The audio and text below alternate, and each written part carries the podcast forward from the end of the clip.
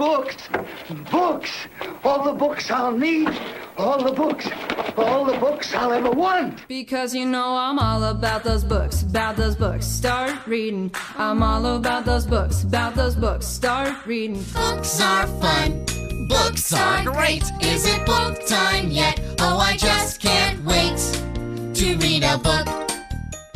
And the best thing, the very best thing of all, is there's time now. There's all the time I need and all the time I want. Time, time, time. Ah. Witam wszystkich w szesnastym odcinku podcastu Readers Initiative, e, podcastu poświęconego literaturze wszech treści. Dzisiaj ponownie moim gościem, jednym z moich dwóch gości, e, których się spodziewam, jest, jest Piotr. Na razie dołączył do nas tylko Piotr którego mogliście już słyszeć w poprzednim naszym odcinku o historii. Tam troszeczkę poruszyliśmy temat tego, że, że oprócz tych książek związanych ściśle z tematyką podcastu, jaki Piotr prowadzi, czyli e, historia Polski dla dzieci i według dzieci, to i Piotr interesuje się również e, literaturą e, inną, tak? Też, też literaturą science fiction. Obok, obok tych książek, o których mówiliśmy wcześniej, też prowadzi podcast w, których, w którym też omawia audiobooki, też szerzej, tak, recenzje robi też nie tylko samej treści książek, ale też sposobów, w jaki zostały te, te audiobooki wydane w Polsce, prawda, i nie tylko. Też natrafiłem na, na, na twojej stronie na taką dość ciekawą sekcję, gdzie przeprowadzasz różne recenzje podcastów, co jest też takim dość no, nietypowym, przyznam szczerze, zjawiskiem, jeżeli chodzi o internet, bo Y, może się y, mylę, może, może nie, nie szukałem za, za daleko, ale wydaje mi się, że jesteś jedyną taką osobą, która robi takie typowe recenzje, recenzje y, innych podcastów, tak? Witam, witam serdecznie. Wiesz co, no ja, ja recenzuję i audiobooki, i podcasty. No w tak. zasadzie wszystko, co jest do słuchania. Dzisiaj postanowiliśmy sobie wziąć na, na tapetę, że tak powiem, taki cykl książek z, z, pod tytułem ekspansja, tak, w, polski, w polskim tłumaczeniu to jest ekspansja, po angielsku to jest no, ekspans, autorem, a raczej autorami tej, tej, tych, tego cyklu książek są panowie, którzy się podpisują jako James S. A. Corey, to są dwaj panowie, którzy współpracują bardzo ściśle z George'em R. R. Martinem, ale nie tylko, bo to są osoby bardzo ściśle zaangażowane środowisko właśnie y, pisarzy fantazy, ale też, y, czy fantastyki ogólnie, ale też bardzo mocno związani z fandomem, tak? Czyli oni obok tego wszystkiego, co, co, co wiąże się z pisarstwem, tak? Robią też rzeczy, które gdzieś tam około tego są, czyli gry, gry planszowe, y, sesje RPG, tego typu rzeczy, o których no ja przyznam szczerze mam takie nijakie pojęcie, ale coś tam, coś tam słyszałem o nich. Natomiast y, obaj panowie są mi głównie znani z tego, że współpracowali z George'em R. R. Martinem, mm -hmm. pisząc literaturę science fiction. Jedną z książek, którą ja bardzo dobrze pamiętam, czyli napisaną wspólnie y, przez właśnie jednego z tych panów, Daniela Abrahama i i George'a R. R. Martina to była Wyprawa Łowcy, to była taka no, dość e, mm, mocno science fiction his, historia, taka mocno tkwiąca korzeniami w takim klasycznym e, science fiction e, powiedzmy tam z lat 70., 80. i też taka bardzo fajną, dynamiczną opowieścią, która tutaj Teraz nie przywołam, bo czytałem ją dość dawno temu, ale już wtedy właśnie zwróciłem uwagę na, na nazwisko Daniela, Daniela Abrahama, który, który bardzo dobrze się tam spisał. Natomiast y, drugim z tych panów jest Ty Frank. To jest osoba też y, niejako znana mi stąd, że współ, współtworzy taki dość y, mało popularny w Polsce cykl, ale o dziwo ukazujący się dość regularnie, także ma pewnie swoją, swoje grono, grono wielbicieli. To jest cykl Dzikie Karty George'a, George'a R. R. Martina, który znaczy, znaczy George R. R. Martin jest niejako takim hmm, jakby to powiedzieć, takim, takim patronem tego całego przedsięwzięcia, natomiast współpracują z nim liczni autorzy e, science fiction, między innymi też kiedyś współpracował przy tym przy tworzeniu tego cyklu, bo on sięga korzeniami gdzieś tam powiedzmy do lat 70., nawet chyba 60., współpracował z nim między innymi, między innymi przy tworzeniu tego cyklu Roger Zalazny, tak, między innymi, więc tu jest, tu jest też takich e, konglomerat artystów, pisarzy, którzy tworzą takie uniwersum, powiedzmy, naszej historii alternatywnej, naszego świata, w którym no, żyją superbohaterowie, tak, są to superbohaterowie, którzy się też mierzą ze swoimi ze swoimi problemami, takimi bardzo życiowymi, bardzo przyziemnymi, a gdzieś tam w tle roz, rozgrywają się te wszystkie wydarzenia, które my znamy z naszej historii, czyli no wiadomo, zimna wojna, prawda, powiązane z tym rzeczy, czy, czy, czy, czy jakieś inne no, dramatyczne wydarzenia tej epoki, Wietnam między innymi. To jest takie fajne połączenie właśnie takich y, y, elementów science fiction z, tym, z tą historią alternatywną i dlatego się troszeczkę też dziwię, że że, że jest ten cykl tak mało popularny, zwłaszcza teraz, kiedy popularni są superbohaterowie, no i też popularny jest George, George R. R. Martin. I mniemam, że to z powodu jego nazwiska tak tak y, te książki się w ogóle w Polsce ukazują. Tak, ja polecam, bo, bo, bo czytałem y, chyba pięć z siedmiu, z siedmiu tomów, które się ukazały w Polsce. Chciałem tylko zwrócić waszą uwagę. O George'u R. R. Martinie powiedziałem tyle, że on bardzo, bardzo mocno chwali cykl, cykl Expans, takiego nazwisko jest, pojawia się na okładkach z jakimś mottem takim, że to jest jedno z najlepszych science fiction, które on w życiu czytał. Wiadomo, tego typu niektórzy, niektóre tego, tego typu sloganami sprzedają się książki. A my dzisiaj oczywiście po tym nieco przedługim wstępie chcielibyśmy się skupić właśnie na cyklu ekspansji, głównie na dwóch pierwszych tomach, które ukazały się w Polsce, to jest Przebudzenie Lewiatana oraz Wojna Kalibana. Tak? To są dwa tomy, które niejako, niejako pokrywają się również z dwoma sezonami serialu bardzo popularnego, prawdopodobnie od, który, od którego przygoda większości was, nas się z tym cyklem zaczęła, tak? Bo większość z nas jest po prostu zachwycona tym serialem wyprodukowanym przez stację Sci-Fi, a chyba publikowanej publikowanym e, w Polsce, na, znaczy najbardziej znanym z platformy Netflix, tak, bo Netflix tego dystrybuował później, no i od tego się zaczyna. No i teraz y, wypadało się też zmierzyć z książkami, cośmy uczynili i teraz nasze wrażenia, jakoś się tam troszeczkę dzieliliśmy na, na, na naszej stronie, troszeczkę też dzieliliśmy się prywatnie naszymi spostrzeżeniami. Wiemy, że tutaj nie mamy e, do końca zgody co do tego, jak postrzegamy poszczególne tomy i pewnie będziemy się troszeczkę kłócić, ale jeszcze zanim do tego dojdziemy, wiem, że ty, y, Piotrze, zagłębiałeś się troszeczkę więcej w ten cały background, y, który, który doprowadził do powstania właśnie cyklu Wiem, że ty wiesz troszeczkę więcej na temat obu panów, więc może, może jeszcze króciutki taki rys y, tego, co, co, co wiesz o nich i, i jak to może się przekładać na, na literaturę później, tak? Mhm. Znaczy, tak jak ty powiedziałeś, y, Daniel Abraham jest autorem i on jest chyba bardziej znany jako autor. Z kolei Ty Frank y, jest asystentem George'a Martina i ten podział, oni w zasadzie piszą wspólnie tą książkę, ale tam jest taki pewien podział zrobiony. Ty Frank jest odpowiedzialny za głównie za wielki świat, y, za cały ten świat, uniwersum i za wielką politykę, a Daniel Abraham jest bardziej odpowiedzialny za y, te pojedyncze jednostki i ich historię. Chociaż w tej chwili oni w wywiadzie powiedzieli, że razem współpracują. I na przykład jeżeli jeden wymyśli jakąś historię i któraś z postaci w jego historii w jakiś sposób postąpi, to drugi ma prawo weta. I na przykład może powiedzieć, że ta osoba, e, na przykład Jim Holden nie, nie, nie mogłaby tak postąpić. I wtedy tamten autor zmienia. Oni w tej chwili naprawdę razem piszą te historie i razem odpowiadają za to, e, co te postacie robią w tej właśnie, w tej książce co, co, co jeszcze warto zwrócić uwagę? Y, jedna z postaci, czyli właśnie Jim Holden, jest bardzo mocno oparta na y, postaci z klasyki, czyli na Don Quixocie. W książce parę razy jest o tym wspomniane, w filmie nawet chyba mocniej, bo w filmie nawet tytuły, na przykład pierwszy odcinek to jest Dulcinea, a siódmy chyba odcinek to są Wiatraki, czyli tam jeszcze wyraźniej, jeszcze mocniej wskazano na tą Don Quixoterię tego bohatera, właśnie Jima Holdena.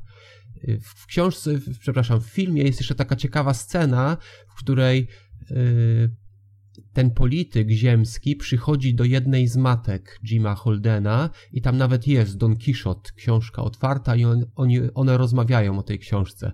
Tam jest taka, taka śmieszna puenta, bo ta matka wyjaśnia, że Jim Holden zawsze myślał, że ta książka to jest komedia, a ona yy, nigdy mu nie wyjaśniła, że to tak naprawdę jest dramat.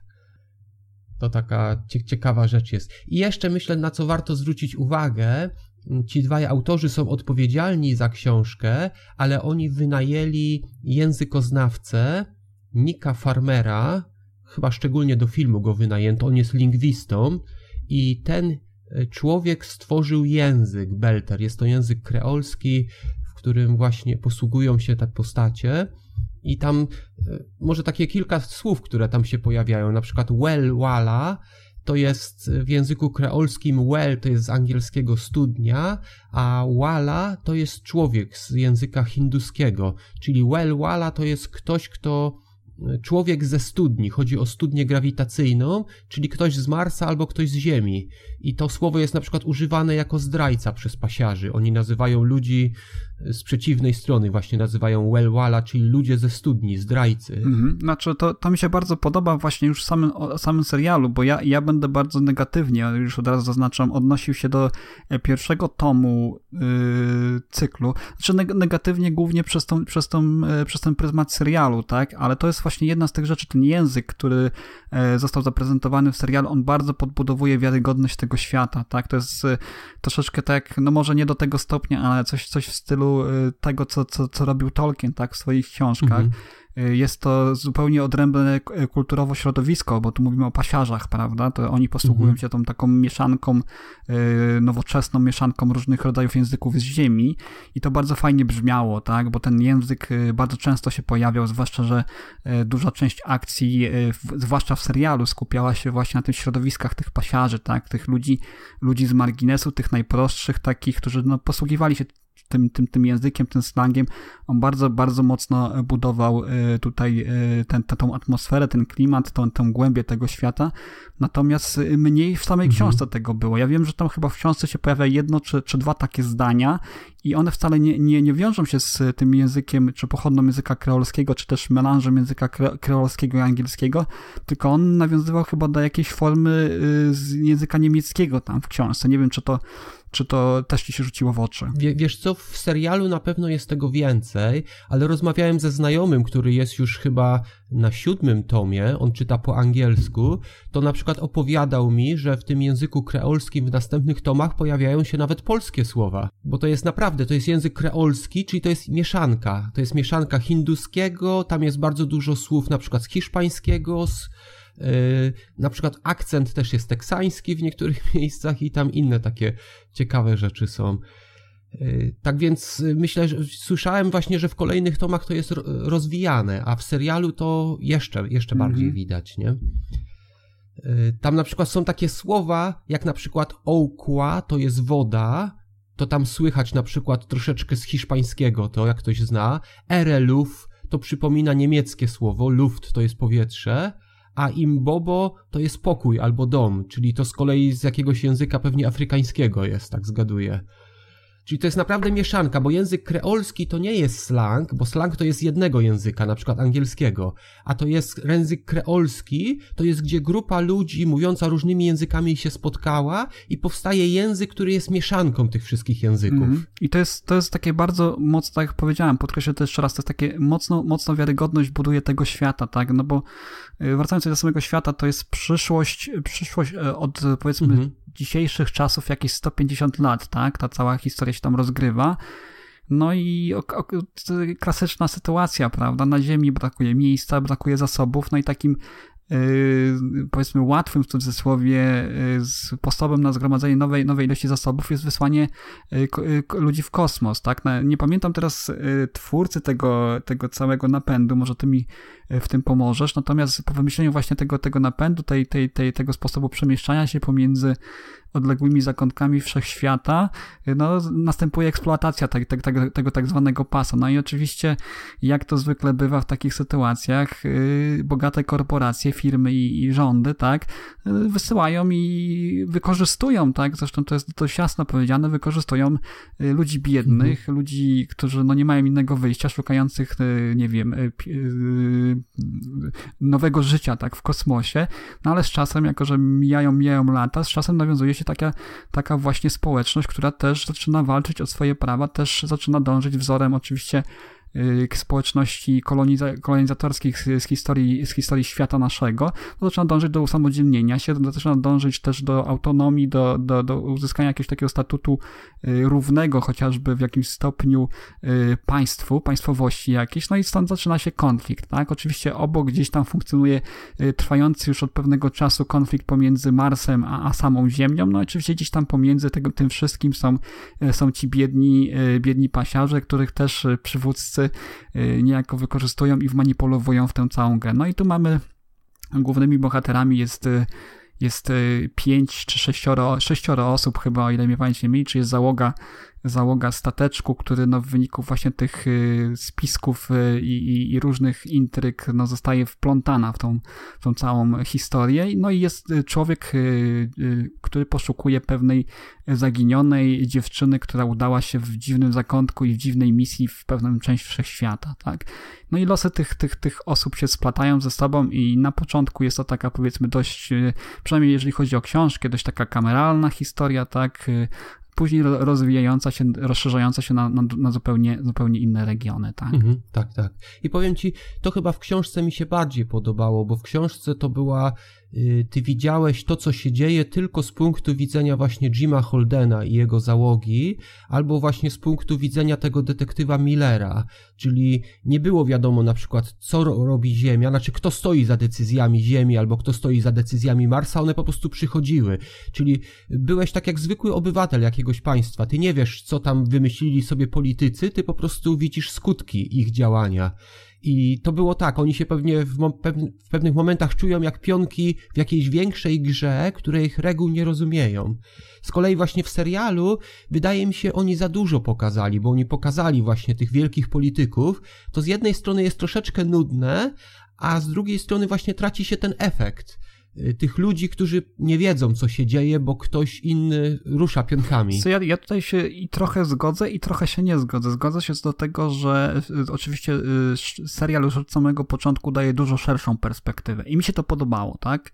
Ja od razu powiem, że ja lubię tego typu tego typu fabuły, gdzie mamy no, rozszerzającą się sieć spisków, zdrad, tak, różnego rodzaju motywacji, interesów wielkich państw i gdzieś tam właśnie pomiędzy tym wszystkim znajduje się Jim Holden, jego załoga i oczywiście Miller, który no, jest takim też jednym z moich ulubionych y, typów bohaterów literackich, czyli taki detektyw troszeczkę w stylu bogartowskim, prawda, gdzieś tam wypranym już troszeczkę z y, takich szerszych aspiracji, skupionym na swoim, na swoim śledztwie za wszelką cenę, gotów poświęcić się w imię, w imię tego, co robi. I gdzieś w tej sieci intryg mi się to wszystko podobało, miejscowienie tego wszystkiego, natomiast właśnie w książce brakowało mi tego tła, tak? I to jest może e, problem tego typu, że, że, że najpierw widziałem serial i tam wiedziałem, widziałem tę szerszą perspektywę, wiedziałem, e, że, że to jest o wiele, wiele y, głębsza historia, że, że opowieść, po, jeżeli chodzi o, o całość, tak, o ca, cały plan autorów, którzy oczywiście też współpracowali z twórcami serialu, że to jest no, dużo, dużo głębsza, mająca dużo więcej E, do zaoferowania historia, natomiast, no, tak jak powiedziałeś, w książce skupiamy się głównie na tych e, dwóch wątkach, tak, bo mamy z perspektywy Jima Holdena i z perspektywy właśnie Millera, Joe Millera, i tego mi właśnie brakowało i, i odczuwałem tego braki, ale to nie tylko tą szerszą perspektywę, której mi brakowało w tej książce, której ja lubiłem w serialu, ale też brakowało mi wątku takich postaci pobocznych, które ja no autentycznie polubiłem e, w serialu i tutaj, tutaj ich nie miałem. Tu, tu, to zostało całkowicie moim zdaniem dopisane w serialu. Nie spodziewam się, że się kiedykolwiek historie tych postaci pojawią e, w książkach już, już na przyszłość. E, no, głównie mówię o tym, o tym chłopcu, on się chyba nazywał, e, teraz mi z głowy wyleciało, Chico, czy jakoś tak, taki taki właśnie pasiarz młody, którego gdzieś tam od samego początku, na początku jego losy się, się splatają z losami Joe Millera, później się tam gdzieś pojawia na jakiejś asteroidzie wydobywczej, hmm. później właśnie jest y, też w jednym z tych, z, tych, z tych osób, które gdzieś tam pomagają głównym bohaterom lub y, dają się zmanipulować, tak w imię szczytnych idei, tak, który, który tutaj jeden z tych właśnie przywódców pasiarzy, Anderson Dawes, y, próbuje też wykorzystać oczywiście do, swo do swoich celów. O, ten, ten chłopiec się nazywał Diogo, Diogo, tak, zapomniałem dokładnie. Mhm. Oni, oni było bardzo dużo w serialu, zwłaszcza w pierwszym sezonie, w drugim już troszeczkę mniej, natomiast w książce w ogóle go prawie nie mamy, tak, trochę się tam pojawia na, który, na jeden moment, ale na pewno nie jest z, z nim związane tyle, tyle fajnych y, przygód, jak, jak to było w przypadku y, serialu i to, to jest mój główny zarzut. Ja, ja myślę nawet, y, nawet te, taką chyba tezę gdzieś tam wysunąłem, że że pierwszą y, książkę to można sobie śmiało odpuścić, jeżeli się widziało se, pierwszy sezon serialu i zacząć, mhm. zacząć od drugiego, no, no, tak? No. no, no to jest pewnie kwestia gustu, nie? Ja pamiętam na przykład, kiedy pojawiło się te nowe trzy hmm. filmy ze Star Wars, czyli 1, 2 i 3, to ludzie krytykowali to właśnie za to, że tam dużo było takich scen pokazujących zebrania Senatu, a, a w ekspansji jest dokładnie to. W książce tego nie masz, a w filmie masz na przykład spotkania tych tam w ONZ, którzy tam, wiesz, dyskutują ze sobą różne intrygi, które są w tym i powiem ci, dla mnie to jest nudne. To jest oczywiście kwestia gustu, ale mnie nudzi, nudziło to, to, to pokazanie ONZ. Ja byłem mhm. ciekawy, co robi Miller, co robi Jim Holden i nie interesowało mnie y, ta wielka polityka, która wiesz, y, tam się działa gdzieś w tle. Ale wiesz co, też, też nie, nie tylko to jest moim zarzutem w stosunku do książki, że te wątki tak niejako mi, mi, mi odebrano. Spodziewałem się, że one będą jeszcze bardziej rozwinięte w książce, zwłaszcza, że jak się, jak się mówi, papier jest cierpliwy, tak? To, co nie da się pokazać nieraz na, na, na, ekranie z powodów różnych, budżetu czy, czy też czasu ekranowego, to w książce można napisać i rozpisać na, na, na wiele, wiele większe, obszerniejsze akapity. Mhm. I, I, tego mi zabrakło, oczywiście tej wielkiej polityki, tych postaci przede wszystkim, punktu widzenia ich na pewne wydarzenia. Tutaj przypomnę Y, senator Avasarala, czy, czy przewodniczącą ONZ Avasarala, mhm. Z której perspektywy, no taki spoiler będzie malutki, obserwujemy nadciągającą katastrofę na Ziemię, tak? I to całe, w jaki sposób ona to przeżywa, w jaki sposób tam żegna się z mężem. No tego w książce nie mamy z tego powodu, że te wydarzenia y, miały miejsce w pierwszym tomie, w, której on, w którym ona się w ogóle nie pojawia. Dla mnie to był y, bardzo fajny wątek w serialu, taki mocno dramatyczny, przejmujący wątek tych, tych, tych biednych ludzi na ziemi. Tego nie było. Co mnie jeszcze irytuje właśnie w samych książkach, to że y, już w pierwszym sezonie serialu zostały postaci bardzo fajnie rozbudowane, tak? To nie były jednowymiarowe postaci, Oczywiście wyłączając troszeczkę Jima Holdena, bo on taki, taki właśnie ma być, tak? To ma być ten bohater, przynajmniej na początku, w pierwszym sezonie, w pierwszym tomie, to ma być bohater bez skazy i zmazy, właśnie taki troszeczkę Don Quixote, prawda? Więc tutaj nie miałem e, tego za złe, natomiast co do innych postaci, no jednak w książce mi brakowało tej takiej dwuznaczności, troszeczkę Amosa, bo trochę taka postać, no może nie socjopata, ale socjopatyczna postać też była, tak? Która tę przeszłość gdzieś tam miała, no nieciekawą, nie, niechętnie się tą przeszłością dzieliła, ale, ale jednak mimo wszystko gdzieś tam y, skrywała jakąś głębszą y, y, w sobie, w sobie więcej cech po prostu, tak, które pokazywał na, na ekranie aktor grający i które scenarzyści dopisali do roli. Mhm. Podobnie zresztą sprawa się miała z, z pilotem, z Aleksem, który no, w książce jest takim troszeczkę rzucającym od czasu do czasu one-linery dowcipkiem, dowcipnisiem, a, a znowu y, w, już w pierwszym sezonie serialu troszeczkę więcej się o nim dowiadujemy, jego przeszłości, y, jego powiązaniami z Marsem, prawda? Gdzieś tam w którymś momencie on nawet zostaje uznany za jakąś tam powiedzmy wtyczkę czy, czy zdrajcę, czego też w książce akurat nie, nie stwierdziłem takiego, takiego wątku, mhm. więc tutaj mamy do czynienia troszeczkę w pierwszym tomie, to o ile można tak powiedzieć, bo to jest troszeczkę takie anach anachronizmem pachnie, że po prostu spłycanie postaci mamy w książce, mhm. które miały dużo większą głębię, jeżeli się oglądało najpierw serial. Oni, powiem ci, troszeczkę pokomplikowali momentami te postacie. Te postacie rzeczywiście są może bardziej rozbudowane w filmie, ale to nie, nie, nie zawsze dobrze gra. Na przykład sam Jim Holden w książce, on na przykład jest już zastępcą Canterbury, jest zastępcą kapitana na Canterbury, a w filmie on nie chce przyjąć tego stanowiska, czyli nie chce przyjąć odpowiedzialności mhm. i, i, i potem dalej jest kwestia tego, czy oni polecą e, na ten statek, który wzywa pomocy, to w książce kapitan podejmuje decyzję i Jim Holden po prostu leci, a w książce, e, przepraszam, a w filmie to kapitan e, podejmuje decyzję, że nie lecą, Jim Holden się z nim zgadza, a potem sam podejmuje decyzję wbrew wszystkim, którą podjęto. Czyli to jest taki, nie, nie wiem, nie wiem jak określić taką osobę. Nie lubię tej postaci z filmu. W filmie to jest człowiek, który najpierw nie chce przyjąć odpowiedzialności, mm. bo nie chce przyjąć roli zastępcy kapitana, a potem sam podejmuje decyzję za wszystkich innych, czyli jest taką nieodpowiedzialną postacią. A w książce z kolei to jest odpowiedzialny człowiek, któremu ufa załoga Rosinanta. No tak, ja powiedziałem już, że, że, że Jim, Jim Holden no to jest dużo, dużo taką y, bardziej transparentną postacią, jeżeli chodzi o, o książkę i dużo logiczniejsze są jego decyzje, tak? Ja z postacią Holdena i z postacią Joe Millera nie miałem problemów w książkach. Ja tu bardziej mam na myśli właśnie te postaci poboczne, które moim zdaniem, przynajmniej w pierwszym, y, w pierwszym tomie, no, były dość płytkie, tak? W drugim tomie się wszystko zmieniło. Tam się wątki ich rozwijają, postaci nawiązują fajne relacje z innymi bohaterami, z nowymi bohaterami i to wszystko ładnie się tam ze sobą zaczyna, jakby powiem, zazębiać się ze sobą zaczyna i te postaci faktycznie zaczynają się rozwijać, tak? Również Jim Holden się, się rozwija, zresztą y, to w drugim tomie już widać, że twórcy mieli bardzo fajny pomysł na ten postać i konsekwentnie prowadzą to, co sobie zaplanowali od samego początku.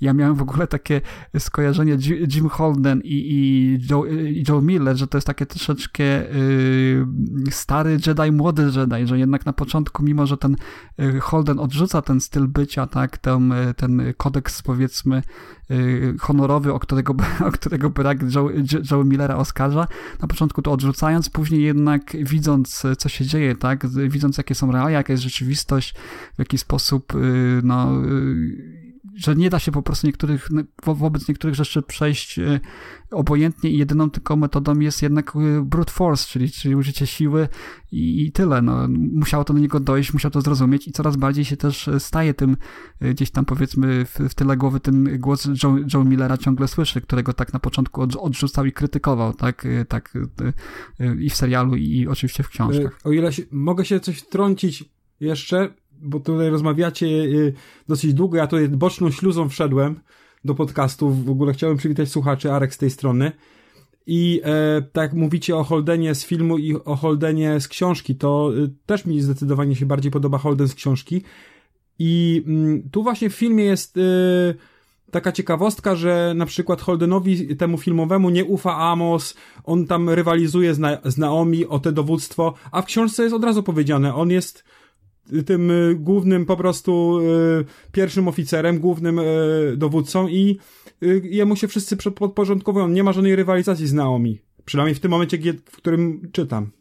Więc ten właśnie bohater książkowy no znacznie bardziej do mnie jakby dotarł, nie? Może dlatego, że czytam książkę najpierw, a, a serial doglądam, do, byle tylko nie, do, nie ten, nie prześcignąć książki, czyli, czyli tylko oglądam to, co już wiem. Mhm. No. Ja mam tak samo. Wolę tego książkowego niż. E, te, ten po prostu to jest taki głupek, nieodpowiedzialny głupek, a w książce mi się podoba kwestia właśnie jego Don Quixoterii, już sam na przykład e, jego związki z kobietami, bo nie wiem czy wiecie, Don Quixote, on miał tą swoją dulcynę i on mówił, że się w niej zakochał, a ta kobieta go wykorzystywała. I w książce i w filmie ten wątek też jest ciekawie rozwinięty, bo te kobiety lubią Holdena, ale one wiedzą, że jemu się tylko wydaje, że on je kocha, bo e, te, ta Don Quixoteria właśnie polega na tym, że on e, na przykład ma jakieś uczucie do kobiety i od razu określa to jako taką wielką, wspaniałą miłość, mhm. bo jemu się wydaje, że tak jest. A one widzą naprawdę, jaka jest ta kwestia. Nie wiem, jak jest w serialu, bo, bo w książce było to dokładnie właśnie w, rozmowie z, z Naomi, kiedy y, po, mm, po przebudzeniu y, jego, po, po tej akcji na Erosie, kiedy on tam był ciężko ranny i kiedy się obudził, y, miał rozmowę z Naomi, której się oczywiście zakochał, zadłużył tak, i ten. Ponownie. I Naomi mu dokładnie to powiedziała. Zakochała się we mnie, bo jestem tu jedyną kobietą. Zostałam ostatnia. Mhm. Więc e, tak było w książce. Nie wiem, jak to w serialu zrobili, bo jeszcze do tego nie dotarłem. W serialu jest też podobnie. Ten wątek akurat chyba dobrze oddano. Zarówno w książce, jak i w serialu. Odnośnie jeszcze właśnie tych wątków, Naomi, y, powiem y, szczerze, że y, ja tej postaci nie lubię zarówno w, książ w książkach, jak i, jak i w serialu, ale to już pewnie powinniśmy uprzedzić na samym początku, to zrobimy to teraz, chociaż już trochę późno jest, na to, że, że te, od teraz będziemy się jednak, no przynajmniej na, na, na poziomie dwóch pierwszych sezonów i, i dwóch pierwszych tomów książek będziemy operowali też zdradzaniem wątków fabularnych, y, więc, więc jeżeli ktoś jeszcze tego nie oglądał lub nie czytał i, i ma zamiar to zrobić, to zapraszamy najpierw do przeczytania. Y, to, co do tej pory zdradziliśmy, to nie było aż tak wiele, ale teraz chciałbym się odnieść do rzeczy, która jest dość istotna, jeżeli chodzi o, zwłaszcza o drugi sezon i o drugi Y, drugi tom książki. Y, tam jest taki wątek, który mi zupełnie nie pasuje w serialu. Y, o ile na przykład stawiam pierwszy sezon serialu wyżej, to jest oczywiście moja indywidualna opinia, pierwszy sezon serialu wyżej niż książkę, to w sytuacji drugiego sezonu jest odwrotnie totalnie, tak? Bo jest tam wiele wątków, które ja w serialu znajduję troszeczkę niepotrzebnych, zbędnych i niepotrzebnie komplikujących sprawy, Jednym z takich wątków jest właśnie moment, w którym załoga y, Rosenanta zostaje podzielona. Tak? Tam w wyniku pewnej kłótni y, to tutaj pojawia się ten właśnie motyw tego, że, że y, Joe zaczyna za bardzo przypominać Jima, tak? przepraszam, odwrotnie, Jim za, za bardzo przypomina Joe Millera, tak? za bardzo zaczyna brutalny być, zaczyna być wulgarny, zaczyna po prostu mhm. kierować się, porzucać swoją, swoją tą taką donkiszoterską pozycję i, i zaczyna się stawać takim właśnie bez skrupułów, e, troszeczkę człowiekiem, który co prawda kierują nim nadrzędne cele, wyższe cele, ale jednak e, po, po drodze niestety no, musi czasami podjąć trudną decyzję, kogoś zabić lub po prostu zlikwidować lub w jakiś inny sposób skrzywdzić. I jest ten wątek, który właśnie oni zostają podzieleni i, i, połączeni ponownie. I właśnie w książce mi się to podobało, że oni ten problem, Naomi i, i, właśnie, i właśnie Jim rozwiązują fajnie, w taki lepszy sposób, y, bez, bez zbędnych komplikacji w zasadzie. Jest pewien zgrzyt oczywiście, ale nie ma całej tej takiej historii, która no, serial mi się wydała niepotrzebna, tak? To ten cały podział dramatyczny, niby podbudowanie tej fabuły, gdzie tam następuje taki motyw, że nie wiadomo, czy, czy, czy y, Jim wróci po nich, czy zdąży ich uratować, no, ci, co oglądali serial, to wiedzą, natomiast w książce tego nie ma. I, i, to, I to mi się już podobało samo w sobie dużo bardziej niż, niż w przypadku serialu w książkach. Mhm. Tak, tak. tak. No, ja, jeżeli właśnie chodzi o tą właśnie sytuację między nimi, to na przykład e, ja Jima Holdena z filmu nie lubię też między innymi za to, że w książce on po prostu podejmuje dowództwo i wszyscy go słuchają, a, a w filmie jest taka scena, gdzie on e, decyduje na coś, nikt go nie słucha, i wtedy oni idą dyskutować za jego plecami, ostatecznie zgadzają się, ostatecznie wracają i mówią, że on może kierować, a w międzyczasie Jim Holden łazi sobie po statku i szuka, żeby kawę sobie wypić. Tak więc w, ogóle tej jego denkiszoterii nie było tam, bo on chce coś zrobić, to jest dla niego ważne, oni się temu sprzeciwiają, a on po prostu sobie to olewa, chodzi i po prostu szuka tylko, żeby kawę wypić i nic więcej go zdaje się nie interesować. Taki to był taki tumiwisizm u niego, te, u tego filmowego Jima Holdena, czego nie ma w książce. Tak, w książce mi się wydaje, że ten Holden książkowy y, cały czas stara się brać y, odpowiedzialność za wszystko. Y, I za wojnę, i za pokój. Nawet za dużo odpowiedzialności stara się na siebie wziąć. Tak mi się wydaje. Mhm. Tak, taka typowa Don Quixoteria. Powiedzcie mi, już y, zostawię na chwilę postaci może, y, jak wam się w ogóle podoba ten cały plot fabularny, ta cała otoczka, pomysł na, na tę historię, bo to y, fajnie też na, na, którymś, właśnie na którymś z tomów, na którymś z wydań, nie wiem czy to był polski, polskie wydanie czy zagraniczne, ale też jest właśnie taki slogan zaczerpnięty gdzieś tam z którejś z wypowiedzi George'a Martina, że to jest jedna z najlepszych historii o zombie, jakie, jakie on czytał. I, to trochę tak jest, tak? Ta, ta historia tej całej, e, jak to się nazywało, tego, tego, tego, tej, tej istoty myślącej, czy, czy też niemyślącej, czy, czy, czy w jakiś sposób, e, no w każdym razie obcej istoty, która gdzieś tam planuje taką cichą trochę inwazję na Ziemię i gdzieś tam coś nie poszło po kolei, no, no ale my, jak, jak, te, jak, to, jak to te małpy inteligentne, no musimy jednak zbadać to, poszturchać kijem, wcisnąć ten czerwony przycisk, tak?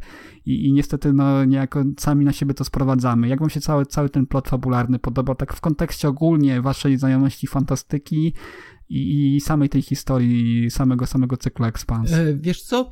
Dla mnie to troszeczkę było powtarzanie te, tego typu mm, historia właśnie z jakąś substancją z kosmosu, która w jakiś sposób zaraża ludzi, którzy potem przechodzą jakąś transformację i stają się wrogami te, te, te, tego typu historia była wielokrotnie powtarzana i powiem ci, dla mnie to troszeczkę nudne jest. Myś, wydaje mi się, że powinno być tutaj coś bardziej interesującego.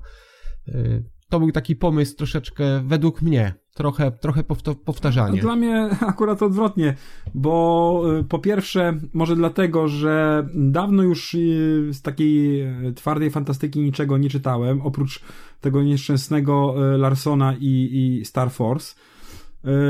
No i z oglądania z takiego science fiction to Star Trek, ten najnowszy, to wiadomo, że podróże jakieś y, międzygalaktyczne prawie że, albo nawet międzygalaktyczne. A tutaj mamy naprawdę bliską odległość, czyli nasz układ słoneczny. Fajnie to wszystko jest y, wymyślone. E, ta cała, e, ten cały właśnie plot fabularny też mi się podobał, bo, bo wiadomo, że gdzieś ktoś się coś skolonizuje, to ogła, ogłasza swoją niepodległość i niezależność. I, i, I tu jest to właśnie dokładnie pokazane, jak i ci ludzie z pasa, i Marsjanie, i Ziemianie bardzo dbają o swoją odrębność i, i przez to to jest na- nasza ludzka e, taka e, cecha charakteru.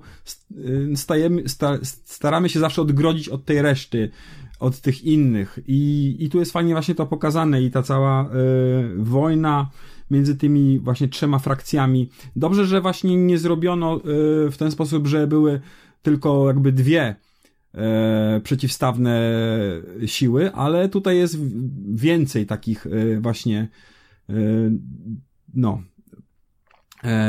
ras, no można powiedzieć wręcz ziemskich, które działają między, przeciwko sobie i, i, i te wszystkie takie mm, walka o ten no, ten zmutowany gen, bo to o to na razie tak myślę chodzi.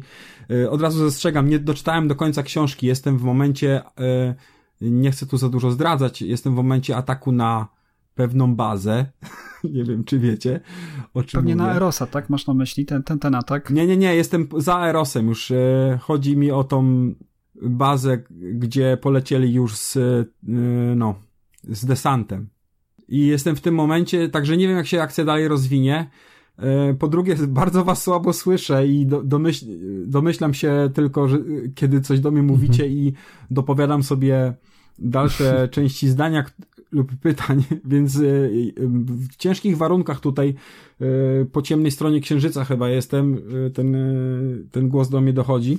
Gdzieś z pasa tak jesteś trochę w ciemno. Mówię do was w tym momencie. No, ja, ja może, jeżeli mogę się do tej polityki odniosę, dla mnie to taki też słaby dość wątek jest, bo historia opowiada tam chyba o 200 latach, y, że 200 lat ludzie skolonizowali, 150 lat mają już ten y, napęd y, Epsteina i w zasadzie wydaje mi się, że to dziwne jest, że Mars jest już odrębny, że ludzie na pasie tak nienawidzą Ziemian. Przecież ci ludzie przylecieli z Ziemi. Na Ziemi ci ludzie muszą mieć swoje rodziny.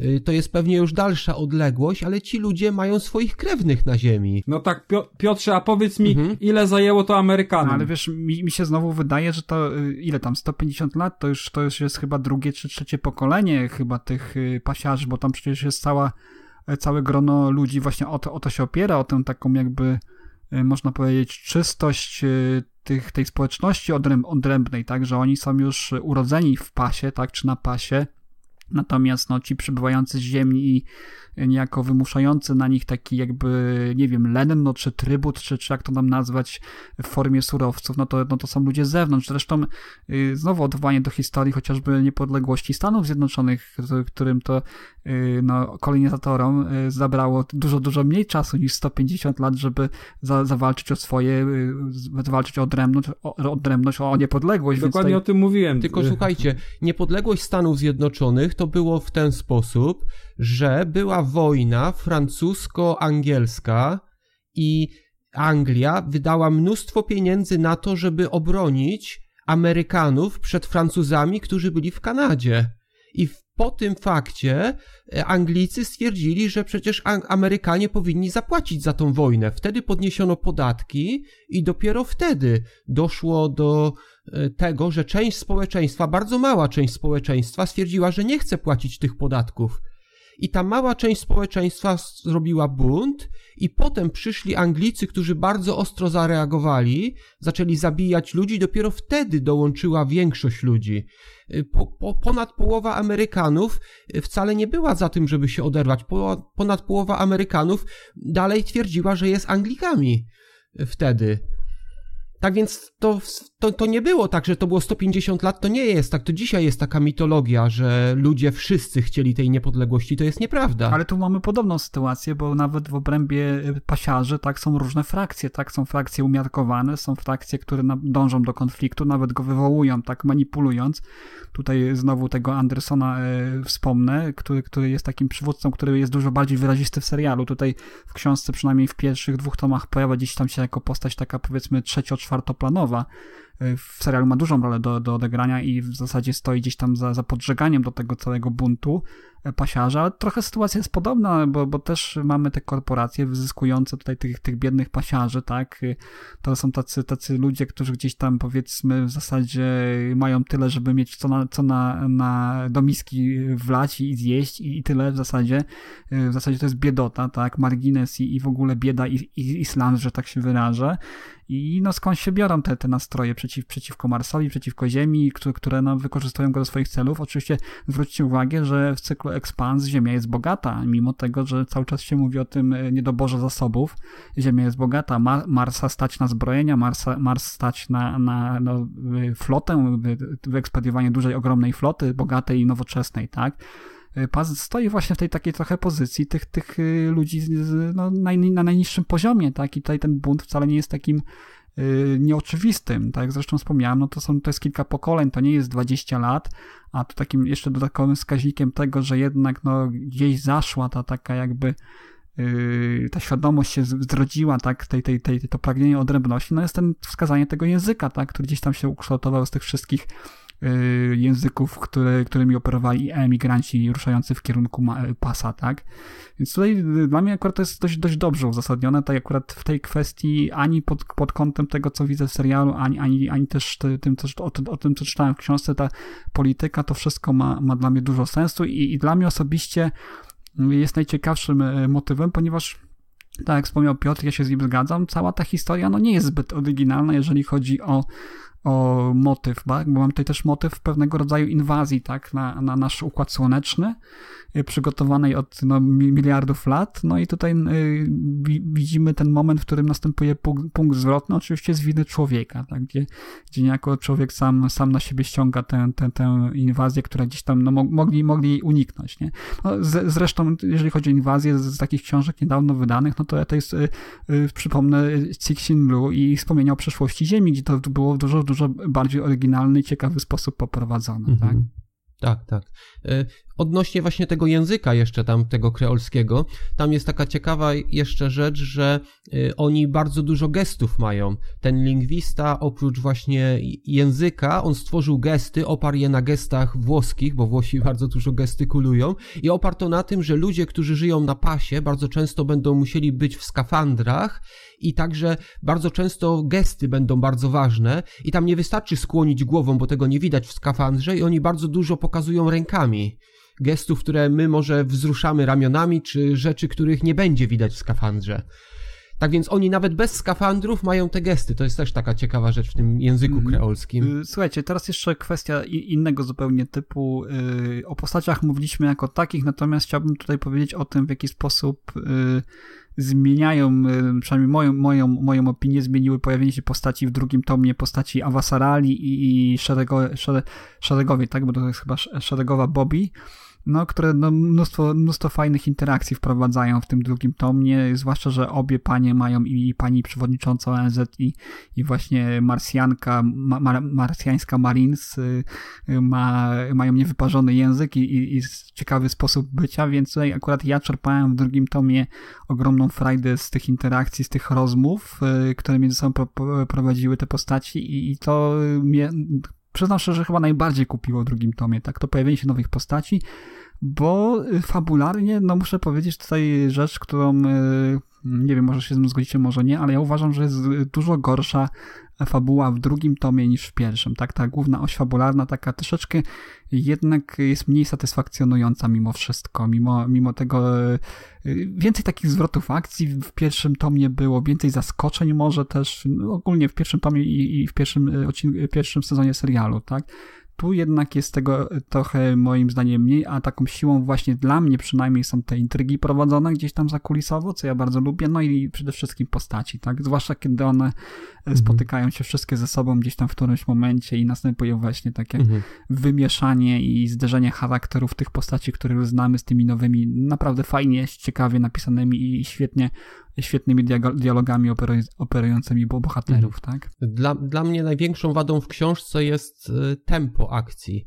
Według mnie tam się momentami za mało dzieje. Jest, jest jakieś wydarzenie, nawet przełomowe, a potem główni bohaterowie chodzą po knajpach, piją alkohol i nic się nie dzieje, dosłownie akcja stoi w miejscu i potem znowu jakieś wy mocne wydarzenie jest i znowu oni robią. Albo Miller na przykład odkrywa coś, a potem przez cały dalszy rozdział mamy jego myśli, jak on myśli sobie o tym, myśli sobie o tamtym, chodzi tu, chodzi tam i się nic nie dzieje.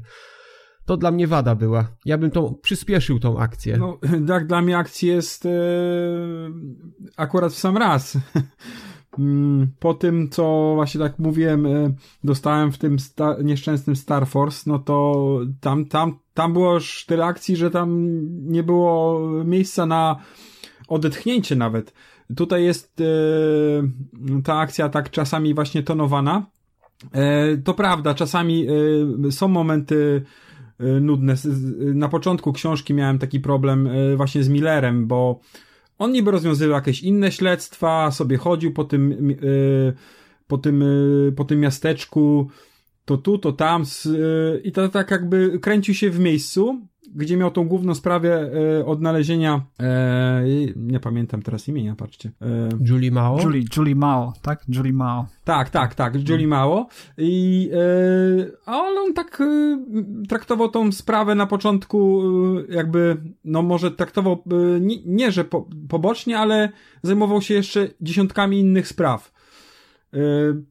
Pewnie to dlatego, że chciał autor bardziej przybliżyć nam postać Millera, ale to było zdecydowanie za wolno, tak jak mówicie ale z, z, z, akcją z Holdenem i z jego załogą, tam, tam nie ma przestojów za bardzo, moim zdaniem. Tam jest w sam są, raz wszystko. Są przestoje, dzieje, kiedy akcja się kończy i oni idą do baru i siedzą w barze i piją, potem chodzą sobie po mieście i, i łażą i się nic nie dzieje. Ja jeszcze nie spotkałem, jeszcze nie, nie doczytałem momentu, kiedy by byli w barze. Aha. Więc e, albo nie, nieuważnie czytałem. Ja, by, ja bym nie chciał więcej akcji, może ja wyjaśnię mi nie chodzi o więcej akcji, tylko mi chodzi o to, że ja bym po prostu wyciął te niepotrzebne momenty pomiędzy akcjami, które są w książce. Książka jest bardzo ciekawa, fabuła jest fajna, tylko tempo po prostu mało się momentami dzieje, ten taki przestój jest momentami. Co, ja, ja akurat przyznam y, szczerze, że muszę w tym przypadku stanąć po stronie Arka, bo dla mnie tempo było w sam raz, tam się cały czas coś działo moim zdaniem, mhm. Y, ale wiesz co, może, może to, to o czym mówisz y, Piotrze, to wypływa troszeczkę z tego, że ty książkowego Holdena nie lubisz i, i może stąd, że, że właśnie te jego, jego dylematy, który, których przepraszam, serialowego Holdena nie lubisz. E, te dylematy, które w serialu ma, mhm. może są dla ciebie mało istotne. Y, w książce gdzieś tam się to inaczej przekłada, rozkłada, może stąd to wypływa. Natomiast y, ja nie stwierdziłem wprost przeciwnie, uważam, że obie książki, oba tomy są naprawdę na, napakowane akcją, tam non stop się coś dzieje. Oczywiście, kiedy wchodzą wątki polityczne, może to też wypływa z moich takich osobistych preferencji, że takie tego typu wątki lubię, tak? Po prostu w książkach lubię intrygi, y, spiski, prawda? I tego jest też dużo w tej książce. No oczywiście w tym momencie, kiedy dochodzi do gry, do gry jakaś taka polityka, dyskusje, rozmowy, y, jakieś rozkminki w głowie, no to y, wydaje mi się, że, że ja to, ja to przyjmuję, natomiast te proporcje akcji do, do takich wolniejszych mniejszych y, wątków, do takiej powiedzmy rozbudowy postaci, czy, czy rozbudowy tła politycznego, czy społecznego, to, to mi, mi nie, nie, nie, nie przeszkadzają, więc myślę, że to jest tak powiedzmy 4 y, do 1, gdzieś tak bym powiedział, takie, te, tak, takie proporcje są gdzieś tam, jeżeli chodzi o akcje i, i pozostałe wątki. Y, mówię, fabuła, fabuła nie jest zbyt, zbyt y, skomplikowana, to jest jedyne, co ja bym mógł zarzucić, ale tempo akcji jest, jest moim zdaniem, No, zdaniem to, to okej. jest pewnie kwestia lubienia. Ja po prostu lubię, jak się coś dzieje i wiesz, w pewnych momentach przypomina mi się scena z rejsu, gdzie oni Mhm. się opisują właśnie, jak gość siedzi w barze, pali papierosa, spojrzy tu, spojrzy tam. Tutaj też są takie sceny, gdzie oni siedzą w barze, spojrzą tu, spojrzą tam, powiedzą to, powiedzą tamto. To być może wyjawia nam trochę o his przeszłości tych postaci, ale akcja stoi. Historia powieści stoi. My może dowiadujemy się czegoś więcej, może ktoś to lubi, dowiedzieć się o przeszłości tych postaci, ale akcja stoi. Kiedyś grałem w taką grę Silent Hunter, gdzie e, gracz wciela się w kapitana okrętu podwodnego ubota i e, gra polega na tym, że 4 godziny płynie się do celu i zawiaduje się załogą, kto ma iść spać, kto, kto ma iść na wachtę i, i, i w ten sposób ten, ale e, w momencie, kiedy się już dopływa do, do tego konwoju i, i zaczyna się te strzelanie torpedami, to cała ta, em, te oczekiwanie na to i te przeszukiwanie e, tego Atlantyku całego e, dają dużą frajdę, wiecie? To, I dlatego może lubię takie momenty w filmach też, kiedy, do, które nawet gdy są spokojne, do, do czegoś tam prowadzą i, i czekamy na ten właśnie, na ten moment, kiedy znowu coś buchnie. Mi- nie? Może mi to nie przeszkadza, bo, bo to tu wypływa moja sympatia właśnie do postaci właśnie takich jak Miller, y, do, do literatury noir, gdzie te monologi wewnętrzne no to stanowią oś, o sile tego typu literatury i, i może stąd, stąd, stąd może mniej, mniej zauważam te, te przestoje, może y, łatwiej mi jest je y, znieść, czy, czy, czy po prostu nawet nie zauważyć tego, że coś tam się nie dzieje w tym, w trakcie. Słuchajcie, zanim jeszcze y, y, przejdziemy, bo tutaj y, Arku wspomniałeś o grze planszowej, wiem, że y, Piotr będzie miał kilka słów do powiedzenia o, o też chyba o grze fabularnej, nie wiem czy planszówka jest, y, o, właśnie bazującej na, na, na, na, wątkach z, z uniwersum Expans, to jeszcze poproszę was takie może już na koniec o, o takie podsumowanie waszym zdaniem y, na końcu ja się wypowiem waszym zdaniem y, czy, czy, czy warto, czy zachęcacie do sięgnięcia po, po cykl Expans, po te dwa pierwsze tomy, y, bo, bo Piotr już y, przeczytał, Alek jeszcze czyta, ja już też przeczytałem, także będziemy chcieli tak króciutko jeszcze na koniec y, podsumowując, czy warto, czy nie warto, jeżeli się widziało, zna serial na przykład, no to może Arek najpierw, jako że czytał mniej do tej pory. Tak, więc... bo ja, ja mam najmniej przeczytane, także y, y, na razie się bardzo dobrze bawię. Nie żałuję żadnej minuty, którą spędziłem przy tej książce. E, Jestem ciekawy mm, dalszego, dalszego ciągu i, i zakończenia pierwszego tomu i, i już się biorę, ch- chcę właśnie brać za drugi tom i już trzeci jest na horyzoncie niedługo. E, Jakoś na początku października ma być, czy pod koniec września. Tak, 3 października. Mhm. A, tak. A mm, po drugie, muszę bardzo się też śpieszyć z serialem, oglądaniem, bo okazuje się, że Netflix wy, y, y, wyrzuca go ze swojej y, stacji i tylko do końca y, września serial będzie gościł y, na Netflixie, przynajmniej tutaj w, w Anglii. Także jak ktoś nie oglądał serialu, to niech się śpieszy. Do końca, do końca września trzeba obejrzeć. No i tak będę gonił, jedno i drugie, no i tak, że mam dużą radochę, cieszę się, że sięgnąłem po to, no i mam nadzieję, że to się nie zepsuje. Mhm. A ty Piotrze? Polecasz, nie polecasz? Znaczy ja może taki krytyczny byłem i ktoś mógłby odnieść wrażenie, że nie polecam, ale y, mi w książce oprócz tych może rzeczy, które się nie podobają, czyli może tempo bym zwiększył, y, są naprawdę ciekawe rzeczy. Naprawdę mi się podobało kwestia na przykład tego języka. Y, Znajomy, który już jest przy dalszych tomach opowiadał mi, że to jest jeszcze rozwinięte. Bardzo mi się podoba też to hard science fiction, czyli kwestia na przykład tego napędu Epsteina, opisana w książce, czy na przykład efekt Coriolisa, który jest i w książce opisany, a w filmie na przykład widać go, kiedy oni tam ten alkohol nalewają i ta woda leci pod pewnym kątem, ten alkohol leci do szklanki pod pewnym kątem. To są takie, takie smaczki, y, które jak ktoś lubi właśnie to twarde, tą twardą fantastykę, to tam to można znaleźć. Y, Na Także... ziemi też czasami leci pod innym kątem, Mhm. jak już za dużo jest. Aha. No, a jeżeli chodzi ten o książki, to ja muszę powiedzieć, że ja oczywiście słuchałem audiobooka. Mhm. Y, W Storytel są pierwsze dwa i mówiliście chyba 3 października się pojawia książka. 3 Mhm. października też audiobook będzie, będzie premiera audiobooka. Y, tej trzeciej części Wrota y, Abadona. Mhm, tak, tak. Story, Storytel zapowiada. Ja, ja w ogóle byłem zaskoczony, że, że to jest już w formie audiobooka dostępne i to jest chyba, chyba, bo ja bardzo rzadko korzystam z audiobooków, ale chyba na wyłączność Storytel zostało to nagranie dokonane. To też jest ciekawym yy, Tak, tak, oni na wyłączność to mają. Mhm. Ciekawa Mhm. sprawa. Tak, na audiotece Y, tego nie ma. Z- Swoją drogą też warto tutaj wspomnieć jeszcze taką e, dość e, no, nieciekawą sytuację, jaką spotkało polskie wydanie, pierwsze polskie wydanie wydane przez Fabrykę Słów e, jakiś czas temu. Ja na szczęście nie miałem przyjemności, oczywiście w cudzysłowie, obcować z tym wydaniem, ale czytałem komentarze, że no jest problem z tłumaczeniem, że tłumaczenie było złe, że było niedokładne, że, że pojawiały się liczne anglicyzmy w tym wtrącenia. Nowe tłumaczenie, mimo pier pierwszego takiego mojego wrażenia, które no, nie było zbyt dobre, wydało mi się zbyt takie mm, techniczne, jeżeli roz, rozumiecie o, o, o co, co mam na myśli, takie pozbawione stylu, ale później się przekonałem do tego i w drugim tomie mi już to absolutnie nie, nie przeszkadzało.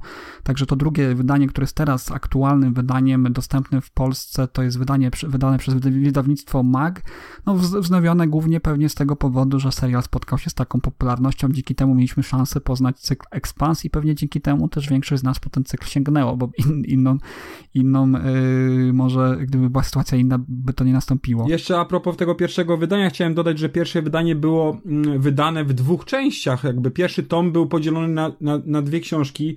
Ja nie wiem, co tam dzielić, tam jest 500 stron y, z hakiem. I to y, podzielono na dwa tomy, no Tak. to taki po prostu brzydki skok na kasę, nie? Wtedy to chyba mm, fabryka No to y, typowe. słów, y, wydawała. Fabryka słów, tak, tak, tak, tak, tak. Ale wiesz, pierwszy tom, on się dzieli na przykład na dwie części. Tam jest takie, taka zakończenie pewne i potem dzieje się dalsza akcja. Tam można połą- podzielić to i to może mieć sens. No tak, ale to będą książki po 250 stron, także... Tak, to wiesz, zwy, zwykły, no mówiąc brzydko, skok na kasę to, był, to, to było wyraźne. Zresztą tam też spotkałem się z opiniami, że specjalnie czcionka została powiększona, żeby te tomy takie bardziej objętościowe się wydawały większe, tak? Objętościowo większe. Więc, więc tutaj nic innego nie stało za tym, zwłaszcza, że też przekład był szybki i niechlujny, że tak powiem, poprzedni. Nowy jest, jest dużo, dużo lepszy, Mhm. zwłaszcza dopiero, wydaje mi się, że tłumacz taki dobry grunt, y, dobrze zaczyna czuć to uniwersum właśnie w drugim tomie, zwłaszcza gdzie te dialogi wchodzą w grę. No, dla mnie to było dużo, dużo lepsze, poprawa w stosunku do pierwszego tomu, do poprzedniego wydania. Nie wiem, domyślam się, że jednak jest lepiej niż było wcześniej, także super za to, że wyszło, super, że, że jest audiobook, Mhm. alternatywa dla osób, które lubią audiobooki. E, nie wiem, jak, jak ty oceniasz ten audiobook, e, Piotrze, e, tak pod kątem lektora, tak? Twoim zdaniem jest to, jest to lektor, który, który dobrze czyta, który pozwala się wczuć w to Tak, uniwersum? tak, czyta Maciej Kowalik, ja, ja lubię, ja nazywam takich lektorów przezroczystymi, to znaczy lektor czyta w ten sposób, że ja zapominam o nim. To jest moja ulubiona wersja. Nie lubię, jak lektor czyta w taki sposób, że przypomina mi cały czas o sobie, czyli jakoś dziwacznie głos robi, czy może robi jakieś rzeczy. Ja lubię, żeby lektor czytał tak, żebym ja zapomniał, że on czyta i po prostu skupił się na treści. I tak czyta Maciej Kowalik. Jest naprawdę, mm, wydaje mi się, bardzo dobrze oddaje y, tego audiobooka. Także cieszę się, że będą wszystkie części będą czytane przez niego. Mam nadzieję przynajmniej, bo trzecia widzę, że też będzie przez niego czytana. Mhm. A ty, Arku, jak się zapoznawałeś z, z cyklem Expans, to był y, e-book, tak? Normalnie. Audiobook. Audiobook również. No ja w. Audiobook i e-book też. E, w, w dwóch, dwóch odsłonach e, i w tym, i w tym. E, ja Mar e, Marcina Kowalika dosyć lubię. No, chociaż to tak bardzo mi się kojarzy z takim cyklem Andrzeja Pilipiuka Oko, Oko Jelenia? Oko tak? Jelenia, czy coś takiego. Mhm. Tak, Oko Jelenia. Ja e, kiedyś słuchałem właśnie e, tego siedmioksiągu chyba i e, ten jego głos tak mi bardzo zapadł w pamięć. Zresztą chyba wszystkie książki Pilipiuka czyta Marcin Kowalik. I ja za Pilipiukiem tak ogólnie nie, prze, nie przepadam, ale czasami sięgam. Tym bardziej mm, nie lubię tych jego wędrowyczów czy, i ten, ale opowiadania bar, bardzo mi się czasami podobają. E, Ma dobre i złe, jak to wiadomo z opowiadaniem bywa u, u autorów. Przepadają się. E, No, ale no tak, nie. Dla mnie to jest taki lektor, który mm, nie przeszkadza, o. Nie denerwuje.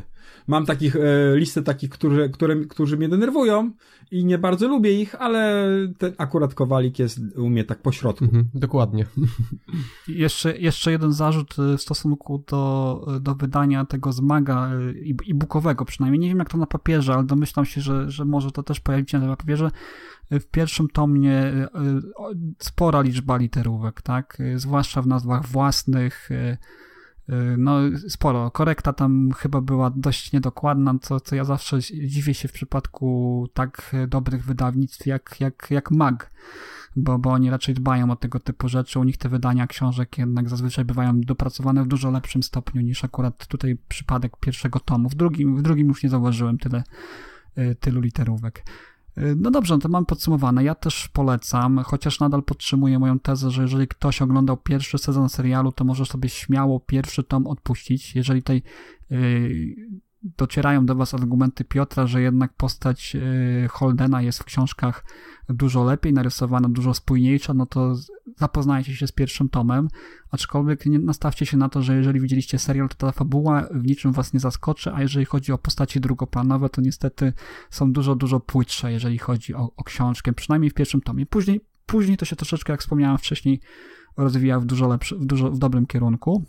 Y, Piotrze, chciałeś jeszcze y, coś powiedzieć o, o właśnie jakiejś grze, tak, związanej tutaj z, z uniwersum Expanse, Mhm. więc jeszcze o tobie oddaję głos i, Mhm. i tym zakończymy już wątek Expanse. Ja mam znajomego, przy okazji pozdrawiam Wasyla, y, który jest właśnie specjalistą Mhm. od gier planszowych i y, on ma tą grę. Jeszcze nie graliśmy, ale wyjaśnił mi trochę, także mam nadzieję, że tutaj nic nie przekręcę. Jest w ogóle taka gra Twilight Struggle.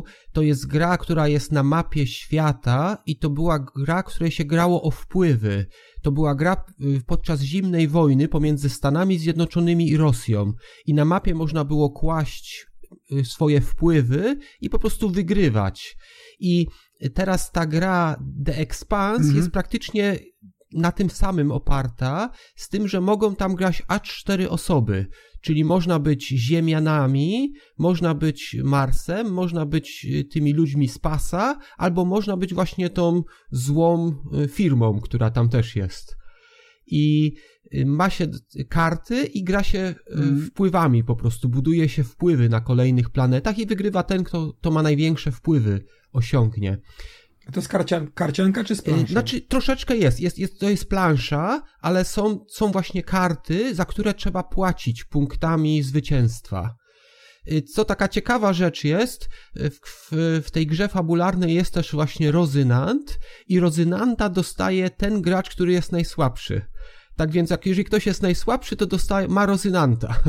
To też tak pasuje, mi się wydaje, do, do filmu, że oni są tą, tymi Don Quixoterami i oni wspierają tych najsłabszych, także w tej grze planszowej. Jest taki ciekawy wątek właśnie. No właśnie odnośnie Twilight Struggle, to tak dziwnym zbiegiem okoliczności, całkiem niedawno szukając jakiejś takiej fajnej e, gry, którą bym mógł grać w pojedynkę, oczywiście mówię o, o cyfrowej wersji, właśnie natrafiłem e, na to, że to jest jedna z, no, z lepszych gier tego typu dostępnych, przynajmniej w wersji cyfrowej. Y, I już, już prawie miałem ją w koszyku, już prawie chciałem ją, ją kupić, ale jak zobaczyłem, jakiego stopnia komplikacji jest to gra, to powiedziałem sobie, nie, nie, nie teraz, ja sobie, ja sobie odpuszczam. Także fajnie, że, że na tej mechanice budują to, bo wydaje mi się, że właśnie biorąc pod uwagę tą całą sieć intryg, jaka jest związana z, z uniwersum Expanse, no to pasuje, prawda, do, tej, do tego typu mechaniki. Mhm. Tak, tak. Jest, jest, tak, ta gra jest, jest podobno prostsza od, nie grałem nigdy w Twilight Struggle, ale The Expanse y, board game jest, jest podobno o wiele prostsza od tamtej. Reguły są prostsze, gra się około godziny. I wydaje mi się najciekawsze jest pewnie grać w cztery osoby, żeby były te trzy różne cztery strony wpływu. No dobrze, to może tyle Expans. Mamy tutaj dzisiaj jeszcze kilka y, książeczek y, przygotowanych. Każdy z nas omówił kilka, kilka dodatkowych pozycji. Y, przeczytał znaczy kilka pozycji dodatkowo, a, a jeszcze y, też mamy no, dość, dość sporo y, do omówienia, więc, więc sobie może w tym momencie zamkniemy y, temat Expans. No i teraz myślę, że zaczniemy może od Piotra, który tutaj najwięcej pozycji przygotował na dzień dzisiejszy. Więc e, proszę bardzo, Piotrze, od czego chciałbyś e, zacząć dzisiaj naszą listę polecanych, aktualnie czytanych książek? Mhm. To znaczy, y, ja jak pewnie wszyscy, którzy mnie znają, wiedzą, ja w zasadzie słucham głównie, także głównie to są audiobooki, ale jest książka właśnie, którą czytam. Niestety, dlatego właśnie, że nie ma audiobooka. To są książki Ryszarda Cirleya, którego uwielbiam. A, to są bardzo lubię. historie o milicjantach z czasów PRL-u. I właśnie skończyłem jedną z nich, to było Milczenie jest srebrem i w tej chwili zacząłem jego najnowszą książkę, y, która się nazywa Masz to jak w banku. Y, Jest to historia kryminalna, napisana z takim lekkim przymrużeniem oka. Wszystko się dzieje w Poznaniu, tak więc jest troszeczkę gwary poznańskiej i wszystko się dzieje w tamtych czasach, kiedy milicjanci byli, cinkciarze, którzy sprzedawali dolary pod, pod Peweksem, ludzie jeździli do Berlina Zachodniego na handel i tego typu rzeczy. Ja bardzo lubię właśnie Ryszarda Ćwirleja za to, że on y, właśnie y, w swoich książkach y, nie natarczywie, ale bardzo fajnie wplata te właśnie artefakty PRL-owskie, które przypominają nam się z, z, z różnych momentów życia naszego w przeszłości. A to jakieś reklamówki z, y, Mhm. z, z napisem Malbro albo jakieś popielniczki y, z, y, z tego, tego szkła, jak się nazywa to, y, Luxfery, Tak, o. Dokładnie, dokładnie. Takie, te, takie rzeczy właśnie Ryszard Nawet Ćwirlej jak radia ciężko- słuchają, to to jest jakaś piosenka z tamtych czasów. Tak. I Ryszard Ćwirlej ma taką metodę pisania, że nie pisze chronologicznie swoich książek i to jest właśnie problem, bo mm, te książki jego z tego właśnie cyklu milicyjnego nie są ułożone, e, chronologicznie, e, tylko czasami dosta- dostajemy książkę z 88 roku, e, by następny tom przeniósł nas do 85. Mhm, Tak zauważyłem przynajmniej. Mhm. Dok- dokładnie, dokładnie. Znaczy on ma dwie serie. Jest jedna właśnie o milicjantach, to jest moja ulubiona, to się dzieje właśnie w PRL-u, ale ma też drugą serię, to jest o policjantach z okresu międzywojennego, nie? I tam Tak, są tak, audiobooki. konte- ja bardzo lubię. I to są rodziny tych milicjantów z, z tamtego. E, przynajmniej niektóre Mhm. postacie się, pow- Tak, nazwiska powtarzają. Tak, tak, tak, tak. Oni są, są rodzinami, oni są połączeni, to prawda, No, to prawda. Czyli całe, całe uniwersum poznańskie stworzył e, Ryszard Ćwirlej. Bardzo fajnie. Zresztą fajnie pisze i fajnie się to czyta. Mhm. Tak, tak. Mam tylko właśnie problem z rozpoznawaniem e, tytułów, bo się zacierają e, po pewnym czasie, zacierają mi się tytuły i o czym dana książka była. E, tego Mhm. autora I, i, i tu jest, mam jedyny problem z nim. A tak, ale e, przyjemność Mhm. czytania duża jest. Ja czytałem tę chronologicznie najświeższą, e, znaczy pierwszą w, w chronologii, czyli tą, e, w której akcja dzieje się w trakcie wybuchu stanu wojennego i to jest książka pod tytułem 13 dzień tygodnia.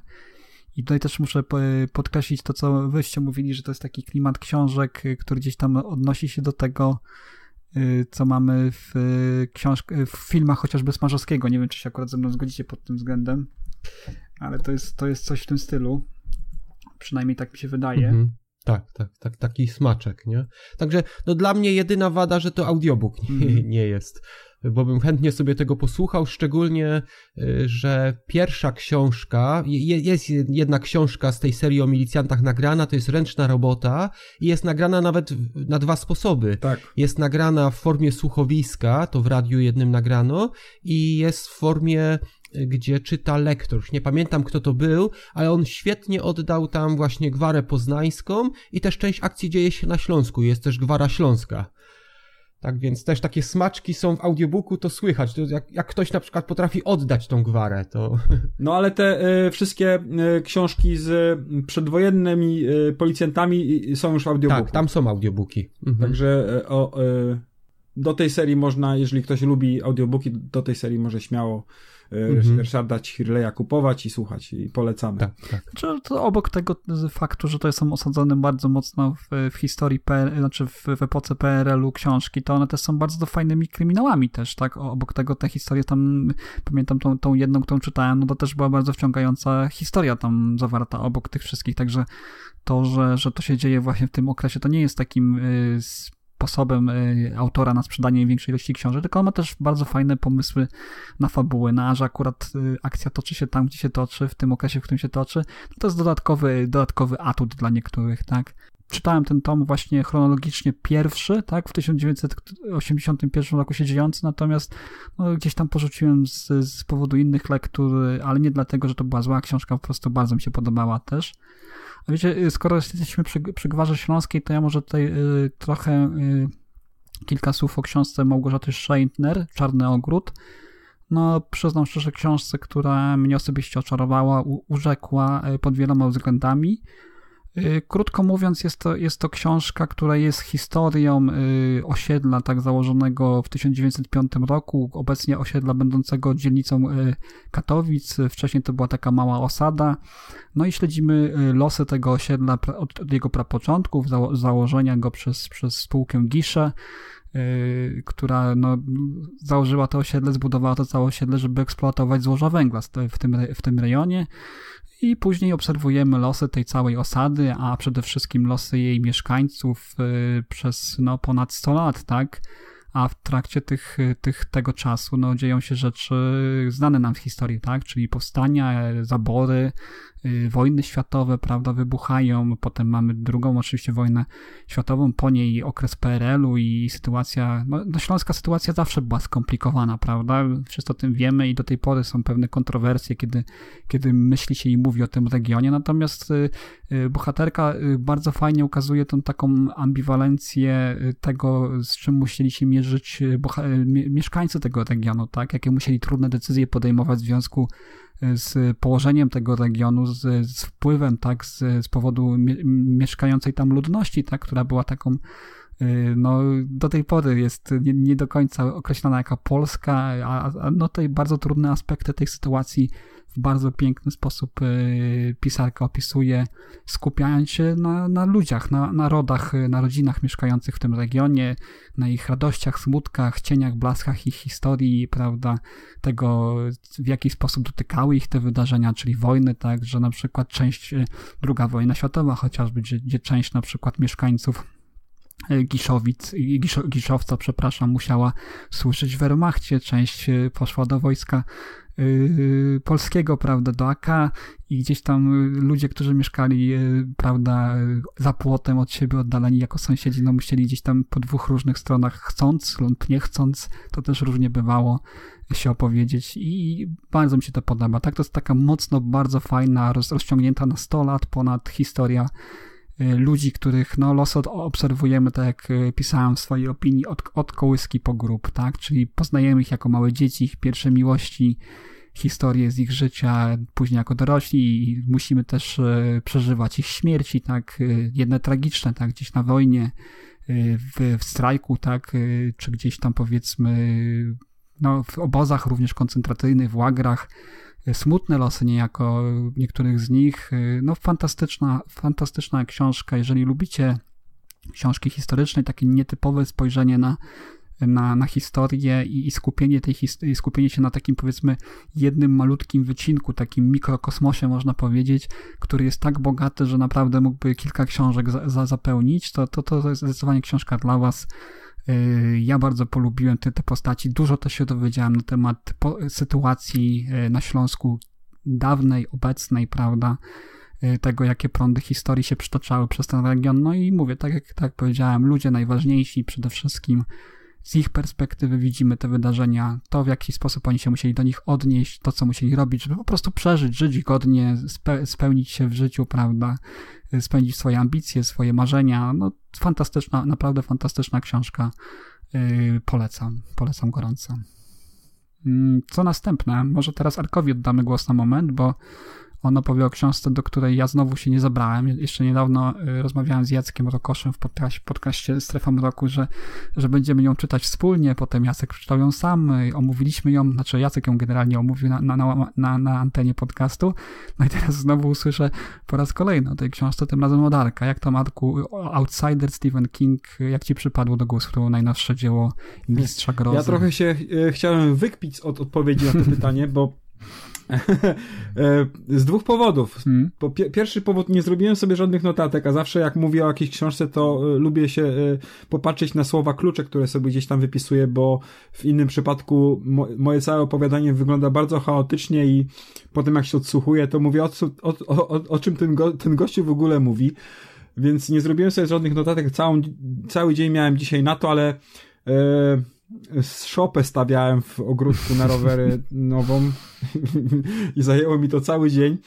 E, myślałem, że nie będę miał materiałów na dzisiaj i i mnie to uratuje, ale niestety materiały okazały się być na składzie budowane, czekać na mnie, więc musiałem odebrać i. i, i, i to może recenzję shopy możesz zrobić, co? Szopa udana, tak? I... Recenzja shopy. Shopę buduję sam od, od podstaw, nie z żadnych y, no, gotowych y, elementów, bo te z gotowych są drogie i badziewne, no po prostu. Czy lepiej zrobić sobie samemu. E, a jeśli chodzi o, o, drugi powód, no to wydaje mi się, że tą książkę, yy, czyli yy, Outsider yy, Stephena Kinga lepiej czytać lub słuchać, jeśli się o niej nic nie wie. Ja mm. o niej y, nie wiedziałem absolutnie nic y, i bardzo dobrze ją przyjąłem. Kurde, i właśnie nie wiem, jak teraz coś zacznę opowiadać, to już będziecie coś wiedzieć. I to jest właśnie dylemat. E, więc e, uniknę fabuły, tylko mm, e, tak ogólnie powiem, że e, pierwsza połowa książki to zapowiada się na dramat kryminalno-sądowy i z bardzo ciekawym wątkiem, który praktycznie jest nierozwiązywalny w sądzie i tą drogą gdy autor szedł, bardzo mi się to podobało. Y, jeśli y, w połowie drogi z niej zboczył, w, w tym momencie zaczęło podobać mi się trochę mniej, ale wielbicielom horroru na pewno przypadnie ten skręt do gustu, więc kto co lubi. Y, jeśli lubicie kryminalno-sądowe dramaty z, z bardzo trudnym wątkiem do rozwiązania, no to możecie sięgnąć. Jeśli lubicie horrory, również. Eee, książka bardzo dobra, chociaż y, kilka książek Stephena Kinga oceni, oceniłem wyżej, to tutaj mm, nie, uważam, że miał gorsze wpadki. Ta książka jest bardzo dobra i y, jeśli ktoś lubi Kinga, to nie muszę namawiać, a jeśli ktoś nie lubi, to spokojnie może od tej książki, za, książki zacząć swoją przygodę z Kingiem, jeśli ktoś nie zna Stephena Kinga, ale kto nie zna Stephena Kinga? No, to jest pytanie. Eee, to, to, nie wiem, to, kogo tu mam namawiać lub komu odradzać, no. Ciężko właśnie u takich autorów jak Stephen King cokolwiek powiedzieć, no, bo wiadomo, że yy, fanów ma ogromną. E, rzesze ludzi, którzy go nie lubią? Nie wiem. Może być dla niektórych obojętny. Ale jego książki są, e, no, powiedzmy szczerze, są różne. E, są słabsze i są e, przegadane i są takie, które naprawdę e, chwytają mm, po prostu za serce. Dla mnie numerem jeden e, w, u Stephena Kinga na razie cały czas jest Dallas 63.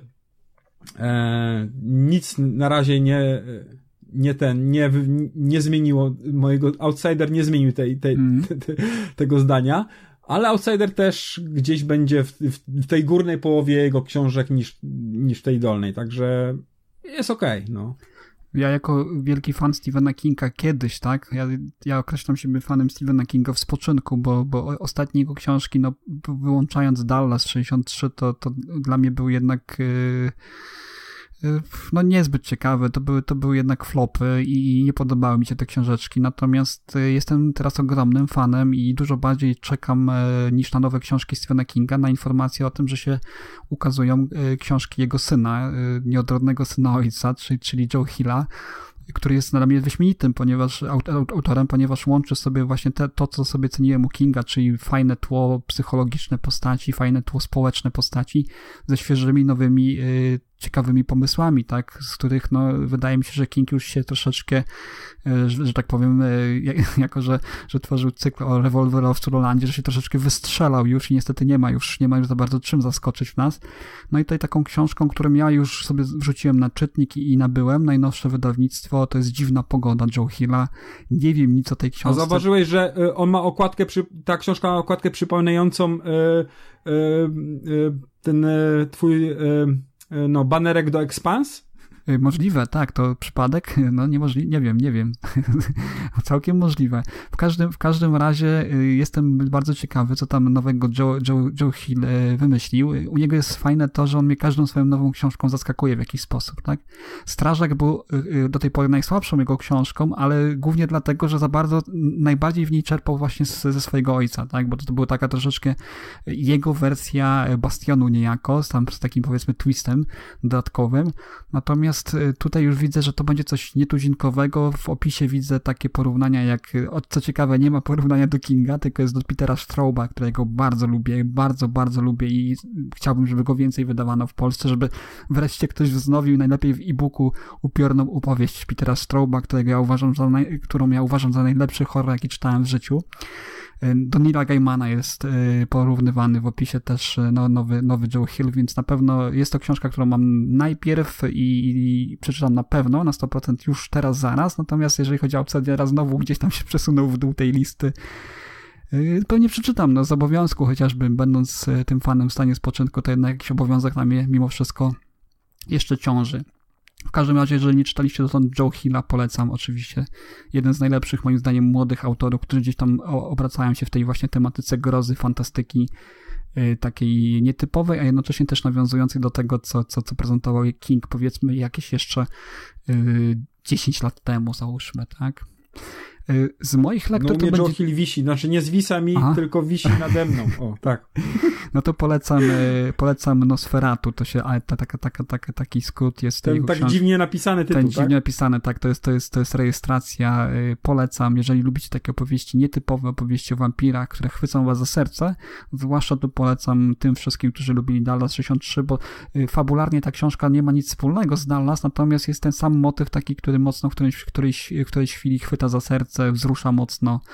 Y, uwielbiam naprawdę, dla mnie jedna, jedna z najlepszych, jeżeli wziąć wszystkich y, Hillów razem, prawda, bo, bo też mamy Owena Kinga, jeszcze drugiego, który jest powiedzmy y, w tej chwili moim zdaniem powiedzmy tak po środku, no jest trochę lepszy niż King moim zdaniem, ale nie, jest, nie, nie osiągnął tego kunsztu jak Joe Hill, to jeżeli miałbym polecić z tych wszystkich Hillów, z wszystkich Kingów na tę chwilę, to najlepszy jednak jest Joe Hill i najlepszy chyba jest właśnie ten Nosferatu, tak więc tę książkę polecam. Przede wszystkim Strażak jest trochę słabszą książką, chociaż też ma swoje momenty.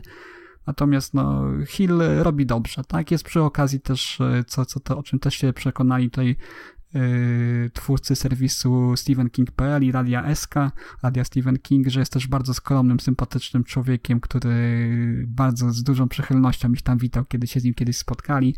To odsyłam już na ich stronę, możecie tam sobie galerię zdjęć obejrzeć. Bardzo sympatyczne wrażenie sprawia ten człowiek. Także dobry pisarz i do tego skromny facet. Y, dobrze, to z moich lektur to by było tyle. Natomiast tutaj wiem, że Piotr ma jeszcze kilka dość ciekawych i nietypowych lektur.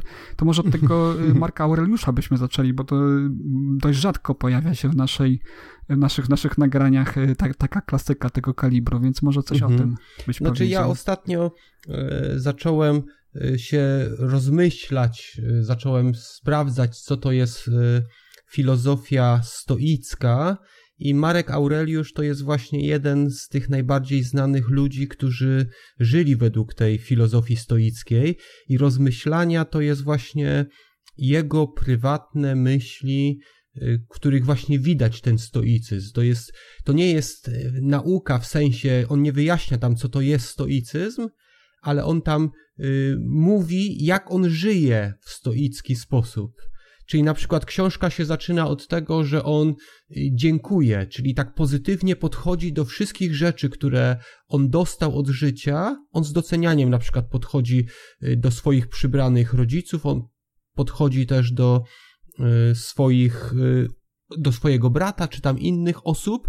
I, I to już widać stoicyzm w akcji. To jest taka właśnie ciekawa rzecz. A inna sprawa to jest taka, że Marek Aureliusz to jednak był cesarz. To była postać historyczna, która wiemy, jakie decyzje podejmowała, wiemy, co zrobiła, a tu można zobaczyć, co on myślał w tym czasie, jakim on był człowiekiem, jakim on był. W ogóle ja wiesz, przyznam szczerze, że, że, że Marka Aureliusza gdzieś tam kojarzę z jakichś, z jakichś cytatów, e, które gdzieś tam się pojawiły w takich zbiorach e, różnych, często cytowanych, ale też taką postać kreowano jego właśnie jako, jako taką właśnie postać, o której ty mówisz teraz w Gladiatorze, tak, Ridleya Scotta, że był takim cesarzem, no, bardziej takim ludzkim, tak, z tych Tak. wszystkich cesarzy, On był o, tak. ostatnim z czterech dobrych cesarzy, a po nim był Komodus, który był jednym z najgorszych. Mhm. No tak, z zajęczą wargą, tak, e, Joaquin Phoenix go grał. Ten, Mhm. Tak, ten tak, co tak. Maximus go Mhm. chciał tam. Ten, ten. tak? Y, Coś jeszcze na temat rozmyślań? Jakieś rozmyślania na temat rozmyślań? Czy, czy byśmy przeszli do kolejnej z twoich książek? Bo, bo masz jeszcze dwie tutaj, które też To dość znaczy- interesująco się zapowiadają, Mhm. przynajmniej z Nie, samego nie, tytułu. ja myślę, że rozmyślania to jest taka książka, której nie warto się spieszyć. To nie jest rzecz, ja nie polecam może przesłuchanie tego od deski do deski, czy czytanie od deski do deski. To jest książka, nad którą warto się zastanowić. Czyli po prostu przeczytać, czy tak jak w moim wypadku posłuchać sobie kawałka i po prostu przemyśleć. Czy ja się z tym zgadzam, czy nie zgadzam, bo ja muszę od razu powiedzieć, ja nie stosuję filozofii stoickiej, ale dużo rzeczy w tej filozofii stoickiej podoba mi się.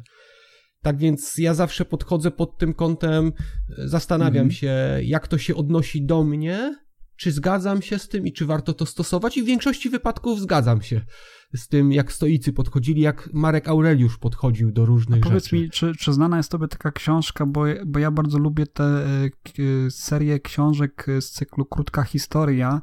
Teraz nie pomnę wydawnictwa, chyba Rebis to wydawał, ale nie jestem teraz pewien. Takie krótka historia e, filozofii, krótka historia psychologii, e, krótka historia medycyny i też z- przymierzam się właśnie, bo przyznam szczerze od razu, że, że nie jestem na bieżąco.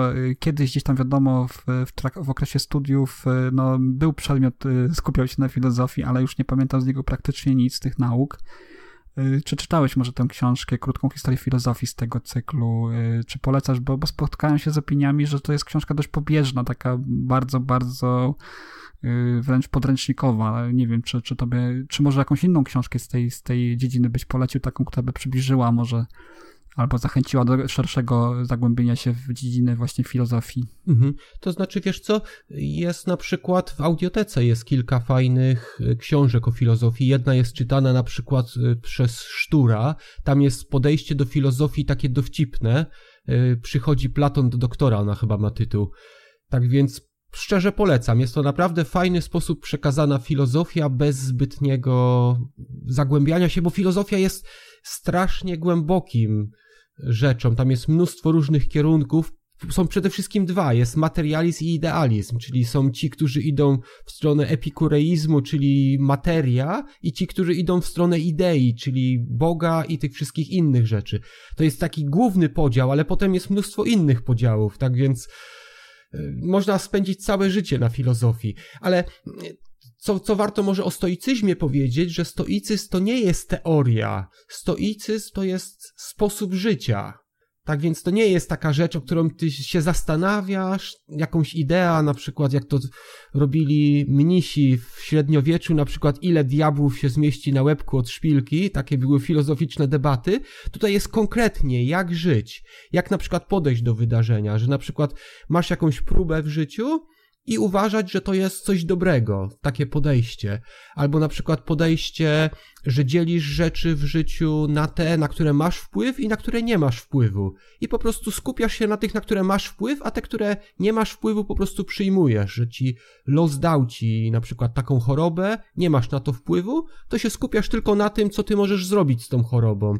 I to jest stoickie podejście. To jest, w tej filozofii to jest właśnie fajne, że to nie jest teoria, to jest sposób życia. Znaczy, y, tak, przychodzi Platon do doktora faktycznie Je- Jerzy Sztur, y, ale niestety no, y, auto, au- autorzy to jest Thomas Cathcart i Daniel Klein, niestety w tej chwili y, jest niedostępna w audiotece. Jest, jest pozycja, natomiast nie można jej kupić, jest produkt niedostępny. To ciekawa rzecz. Szukałem też w audiobooku szybciutko i też niestety nie ma na tę chwilę. Także albo y, są, są, są dwie, Mhm, dwie, mhm. dwie opcje, które przeważnie są y, w tych sytuacjach znajdują zastosowanie, albo szykuje się wznowienie książki, co, co przeważnie bywa, wiąże się z wycofaniem jej uprzednim z, ze sprzedaży, albo no, licencja wygasła, co jest dużo bardziej niepokojące, bo zapowiada się tytuł naprawdę fajnie, zwłaszcza, że, że, że sztu, Mhm. sztura, Licencja sztura lubię. Sztura lubię i akurat w jego przypadku lubię bardzo e-booki. Y, Obu szturów, bo, bo, bo Mhm. syn również fajnie czyta. Tak. Y, Dobrze. Mhm. Ja, ja szczerze polecam No tego jeżeli tylko znajdę gdzieś to, W wykonaniu jeżeli znajdę tylko gdzieś, jeżeli będzie do nabycia, to, to chętnie się zapoznam. Masz jeszcze dwie pozycje i czy to są też y, pozycje takie bardziej z, z, z no raczej nie beletrystyka z tego, co, z czego się domyślam. Mhm. Znaczy, o, obie pozycje to są biografie, bo jest w tej chwili najnowsza książka Michała Szafrańskiego.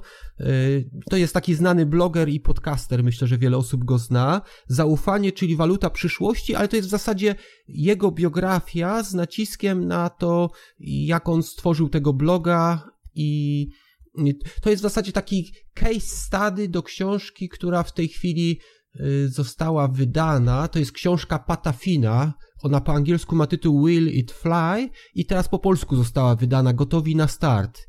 I y, Szafrański miał napisać wstęp do tej książki, ale zamiast wstępu napisał jakby swoją biografię, takie case study y, tego, jak on zastosował książkę Patafina, Pataflina.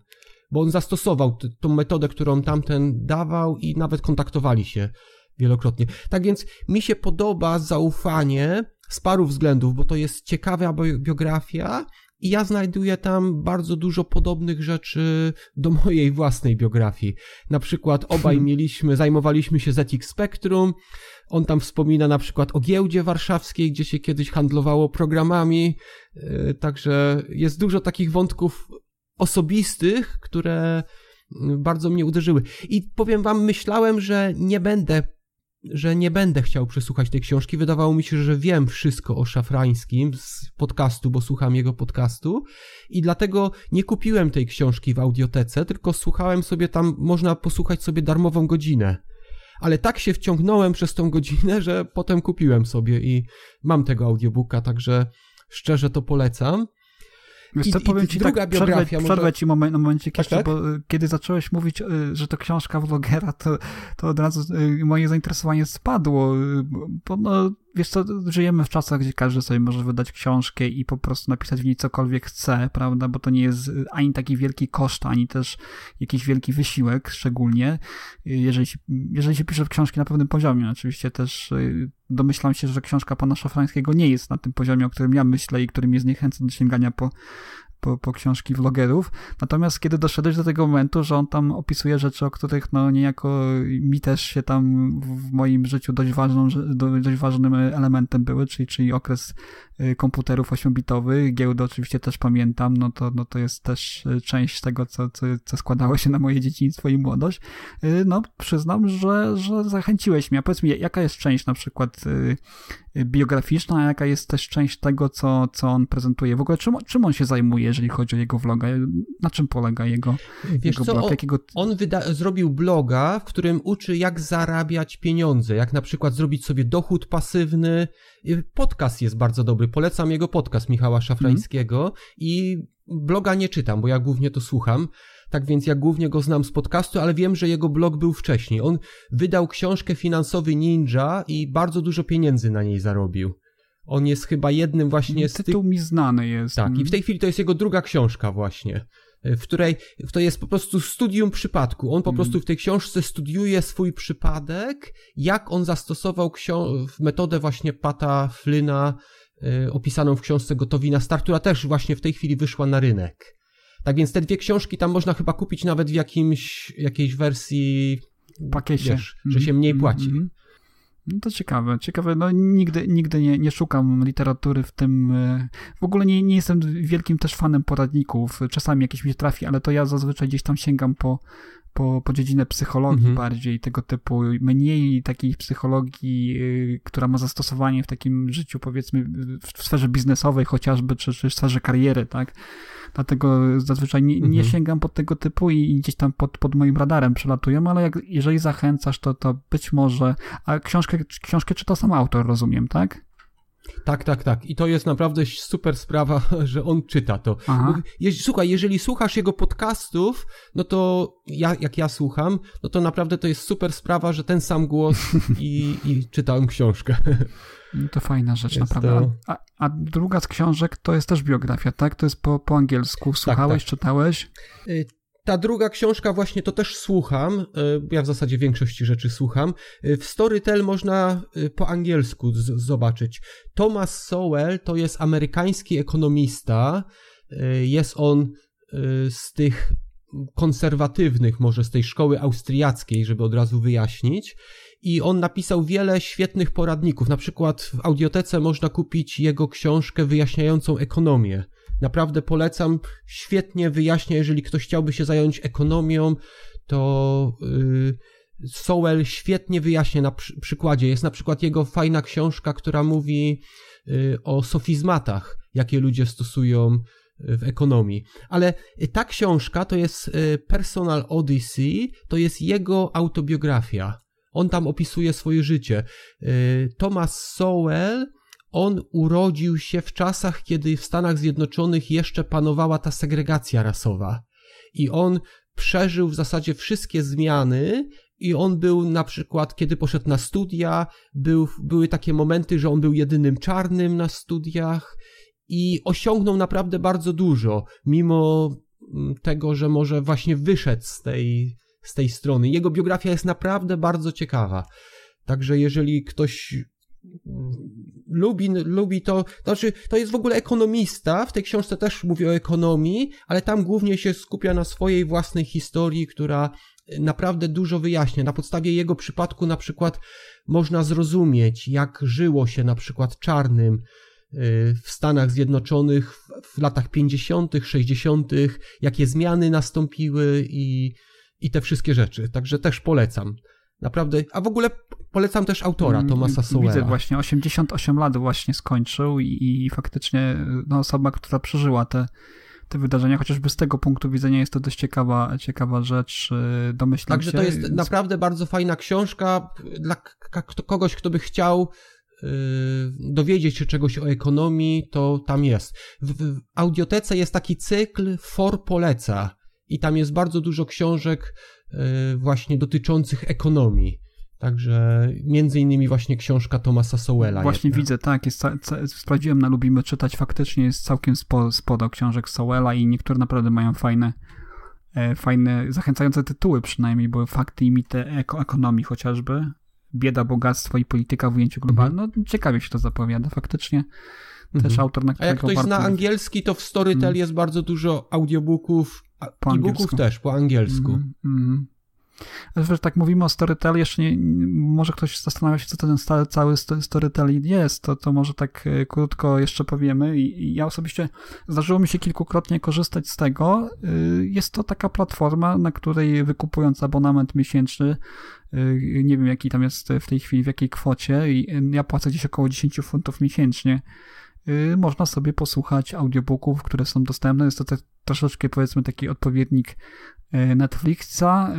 Podobne abonamenty funkcjonują też y, na przykład y, w audiotece, chociaż w audiotece się to nie przekłada nie na, na, na e-booki, na darmowe słuchanie, tylko masz niższą cenę, tak, płacąc tą, mm -hmm. tą jakiś tam abonament miesięczny. Tutaj masz pulę, macie pulę audiobooków, no czasami zdarzają się naprawdę głośne tytuły, spora baza audiobooków w języku angielskim jest, w polskim jest troszeczkę mniejsza, ale ale też jeżeli ktoś y, chce taką alternatywę, moim zdaniem niedrogą, bo naprawdę można całkiem sporo w ciągu, no powiedzmy, miesiąca przesłuchać, a też na początku, z tego co mi się wydaje, też jest jakiś okres taki próbny, siedmiodniowy, więc nawet w ciągu tych siedmiu dni coś tam możecie e, posłuchać, jeżeli nie chcecie płacić dłużej abonamentu, także myślę, że polecamy też. E, Piotr może coś więcej powiedzieć, bo, bo on wydaje mi się, że korzysta z tego dość często. Mhm. Znaczy, wiesz co, ja, ja, mam, ja mam abonamenty, mam w, w obu miejscach, mam w Audiotece i mam w Storytel, bo mhm. niestety jest tak, że tak jak mówiliśmy na przykład teraz o The Expanse, to Storytel ma na wyłączność, audioteka ma inne rzeczy na wyłączność, także jeżeli ktoś lubi słuchać, to niestety nie można być w jednym serwisie. W zasadzie trzeba być w obu. Y, na przykład teraz ostatnio, jeżeli ktoś tam lubi, są na przykład opowieści z mechańskiego pogranicza Roberta Wegnera. Mm. Do słuchania można. W Storytel się pojawiły, tak? Mhm. Ja czy, czytałem Tak, chyba tak, północ, tak. południe. No, no to Storytel jak najbardziej dla ciebie, bo wiem, Arku, że też audiobooki lubisz. A wracając do Arka, do, do ciemnej strony Tak. Księżyca, czy tam powiedzmy odległych le- regionów Pasa, z którego dzisiaj nadaję, y, co u ciebie jeszcze ponad, ponad Tak. Outsiderem? Miałeś czas jeszcze? Chciałbyś coś jeszcze... E, e, ja jeszcze kamyczek, kamyczek do, do Mhm. tego naszego mini, biografii chciałem dorzucić, bo mm, czytam e, też biografię e, Magdaleny Grzebałkowskiej Komeda, Osobiste życie jazzu. To e, za dużo nie mogę na razie o tej książce powiedzieć, bo e, z 15% mam to w, w e-booku i zawiesiłem sobie, bo teraz się wziąłem właśnie za tą fantastykę, więc jazz poszedł na drugi plan.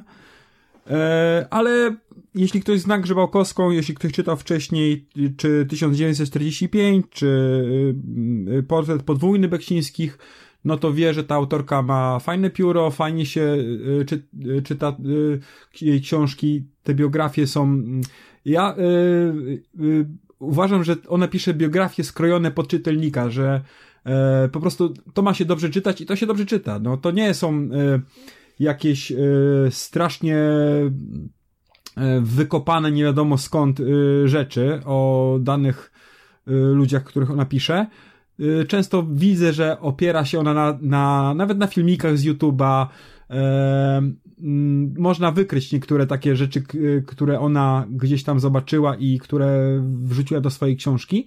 Ale tak mówię, czyta się to bardzo dobrze.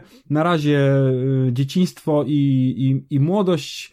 Jestem w trakcie y, czytania y, o komedzie. Nie jestem tam specjalnie miłośnikiem wielkim jazzu, ale, ale komeda to jest nazwisko takie, które się oczywiście zna i które się sły, słyszało wiele utworów i, i no i warto, warto się dowiedzieć o ciekawym człowieku coś, a tym bardziej jak jest to dobrze napisane. No także polecam, na razie polecam, nie wiem, za dużo właśnie tak mówię, nie mogę powiedzieć.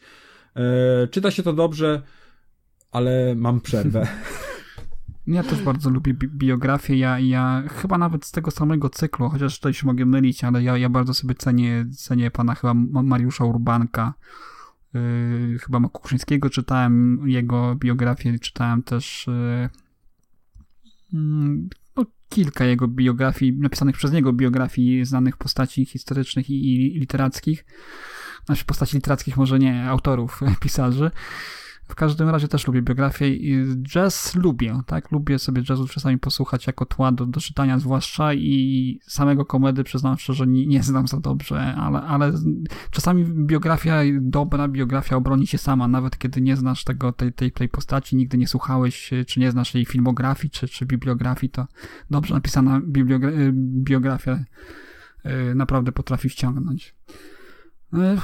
Myślę, będziemy, że będziemy panowie kończyć na dzisiaj. Tak, y, już y, y, za, y, muszę wam powiedzieć, że zarekwirowałem pokój mojego syna, także on już y, chyba powinien iść spać. Ojej, biedny. Będę musiał powoli tu mu oddać Dobrze, miejsce. będziemy kończyć. Y, W każdym razie dziękuję, dziękuję wam panowie za przybycie, dziękuję wam za, za nagranie wspólnie tego odcinka, fajnie się nagrywało. Myślę, że możemy też tutaj, jako że ty- komunikujemy się kanałami różnymi i innymi też, nie tylko tymi głosowymi, ale też pisanymi, także y, możemy już zaprosić wspólnie na coś, co już troszeczkę planujemy, czyli, czyli y, chcemy troszeczkę cofnąć się w czasie tym razem, znowu wrócić do fantastyki, science fiction, ale tym razem sięgnąć po jedną, jed, cykl jednej z naj- najlepszych antologii, y, jakie ja osobiście znam, wydanych w Polsce, czyli Rakietowe Szlaki. y, pana, pana Lecha Niemczyka, no, legendarnych antologii, tak? Y, Pierwszy tom, pierwsze, pierwsze wydanie tej antologii ukazało się w 1958 roku y, z nazwiskami, które no, były już wtedy topowymi nazwiskami autorów science fiction. y, to jest naprawdę, o, o tym porozmawiamy sobie później, bo dla mnie to jest zaskakujące, że w tak, w tej, w tym okresie mogła się tego typu antologia ukazać wielkie zaskoczenie, y, wracając teraz pamięcią do tego. Ja, ja wtedy oczywiście jeszcze nie żyłem, ale no, okres, w którym się ukazała ta biografia i nazwiska, prawda, z tej imperialistycznej, amerykańskiej strony, które pojawiły się w tej, bi- y, przepraszam, antologii, no to, to, to jest coś niesamowitego. Także to będziemy I żadnego nagrać. rosyjskiego autora nie ma w tym, Dokładnie, w tym nie ma żadnego rosyjskiego autora.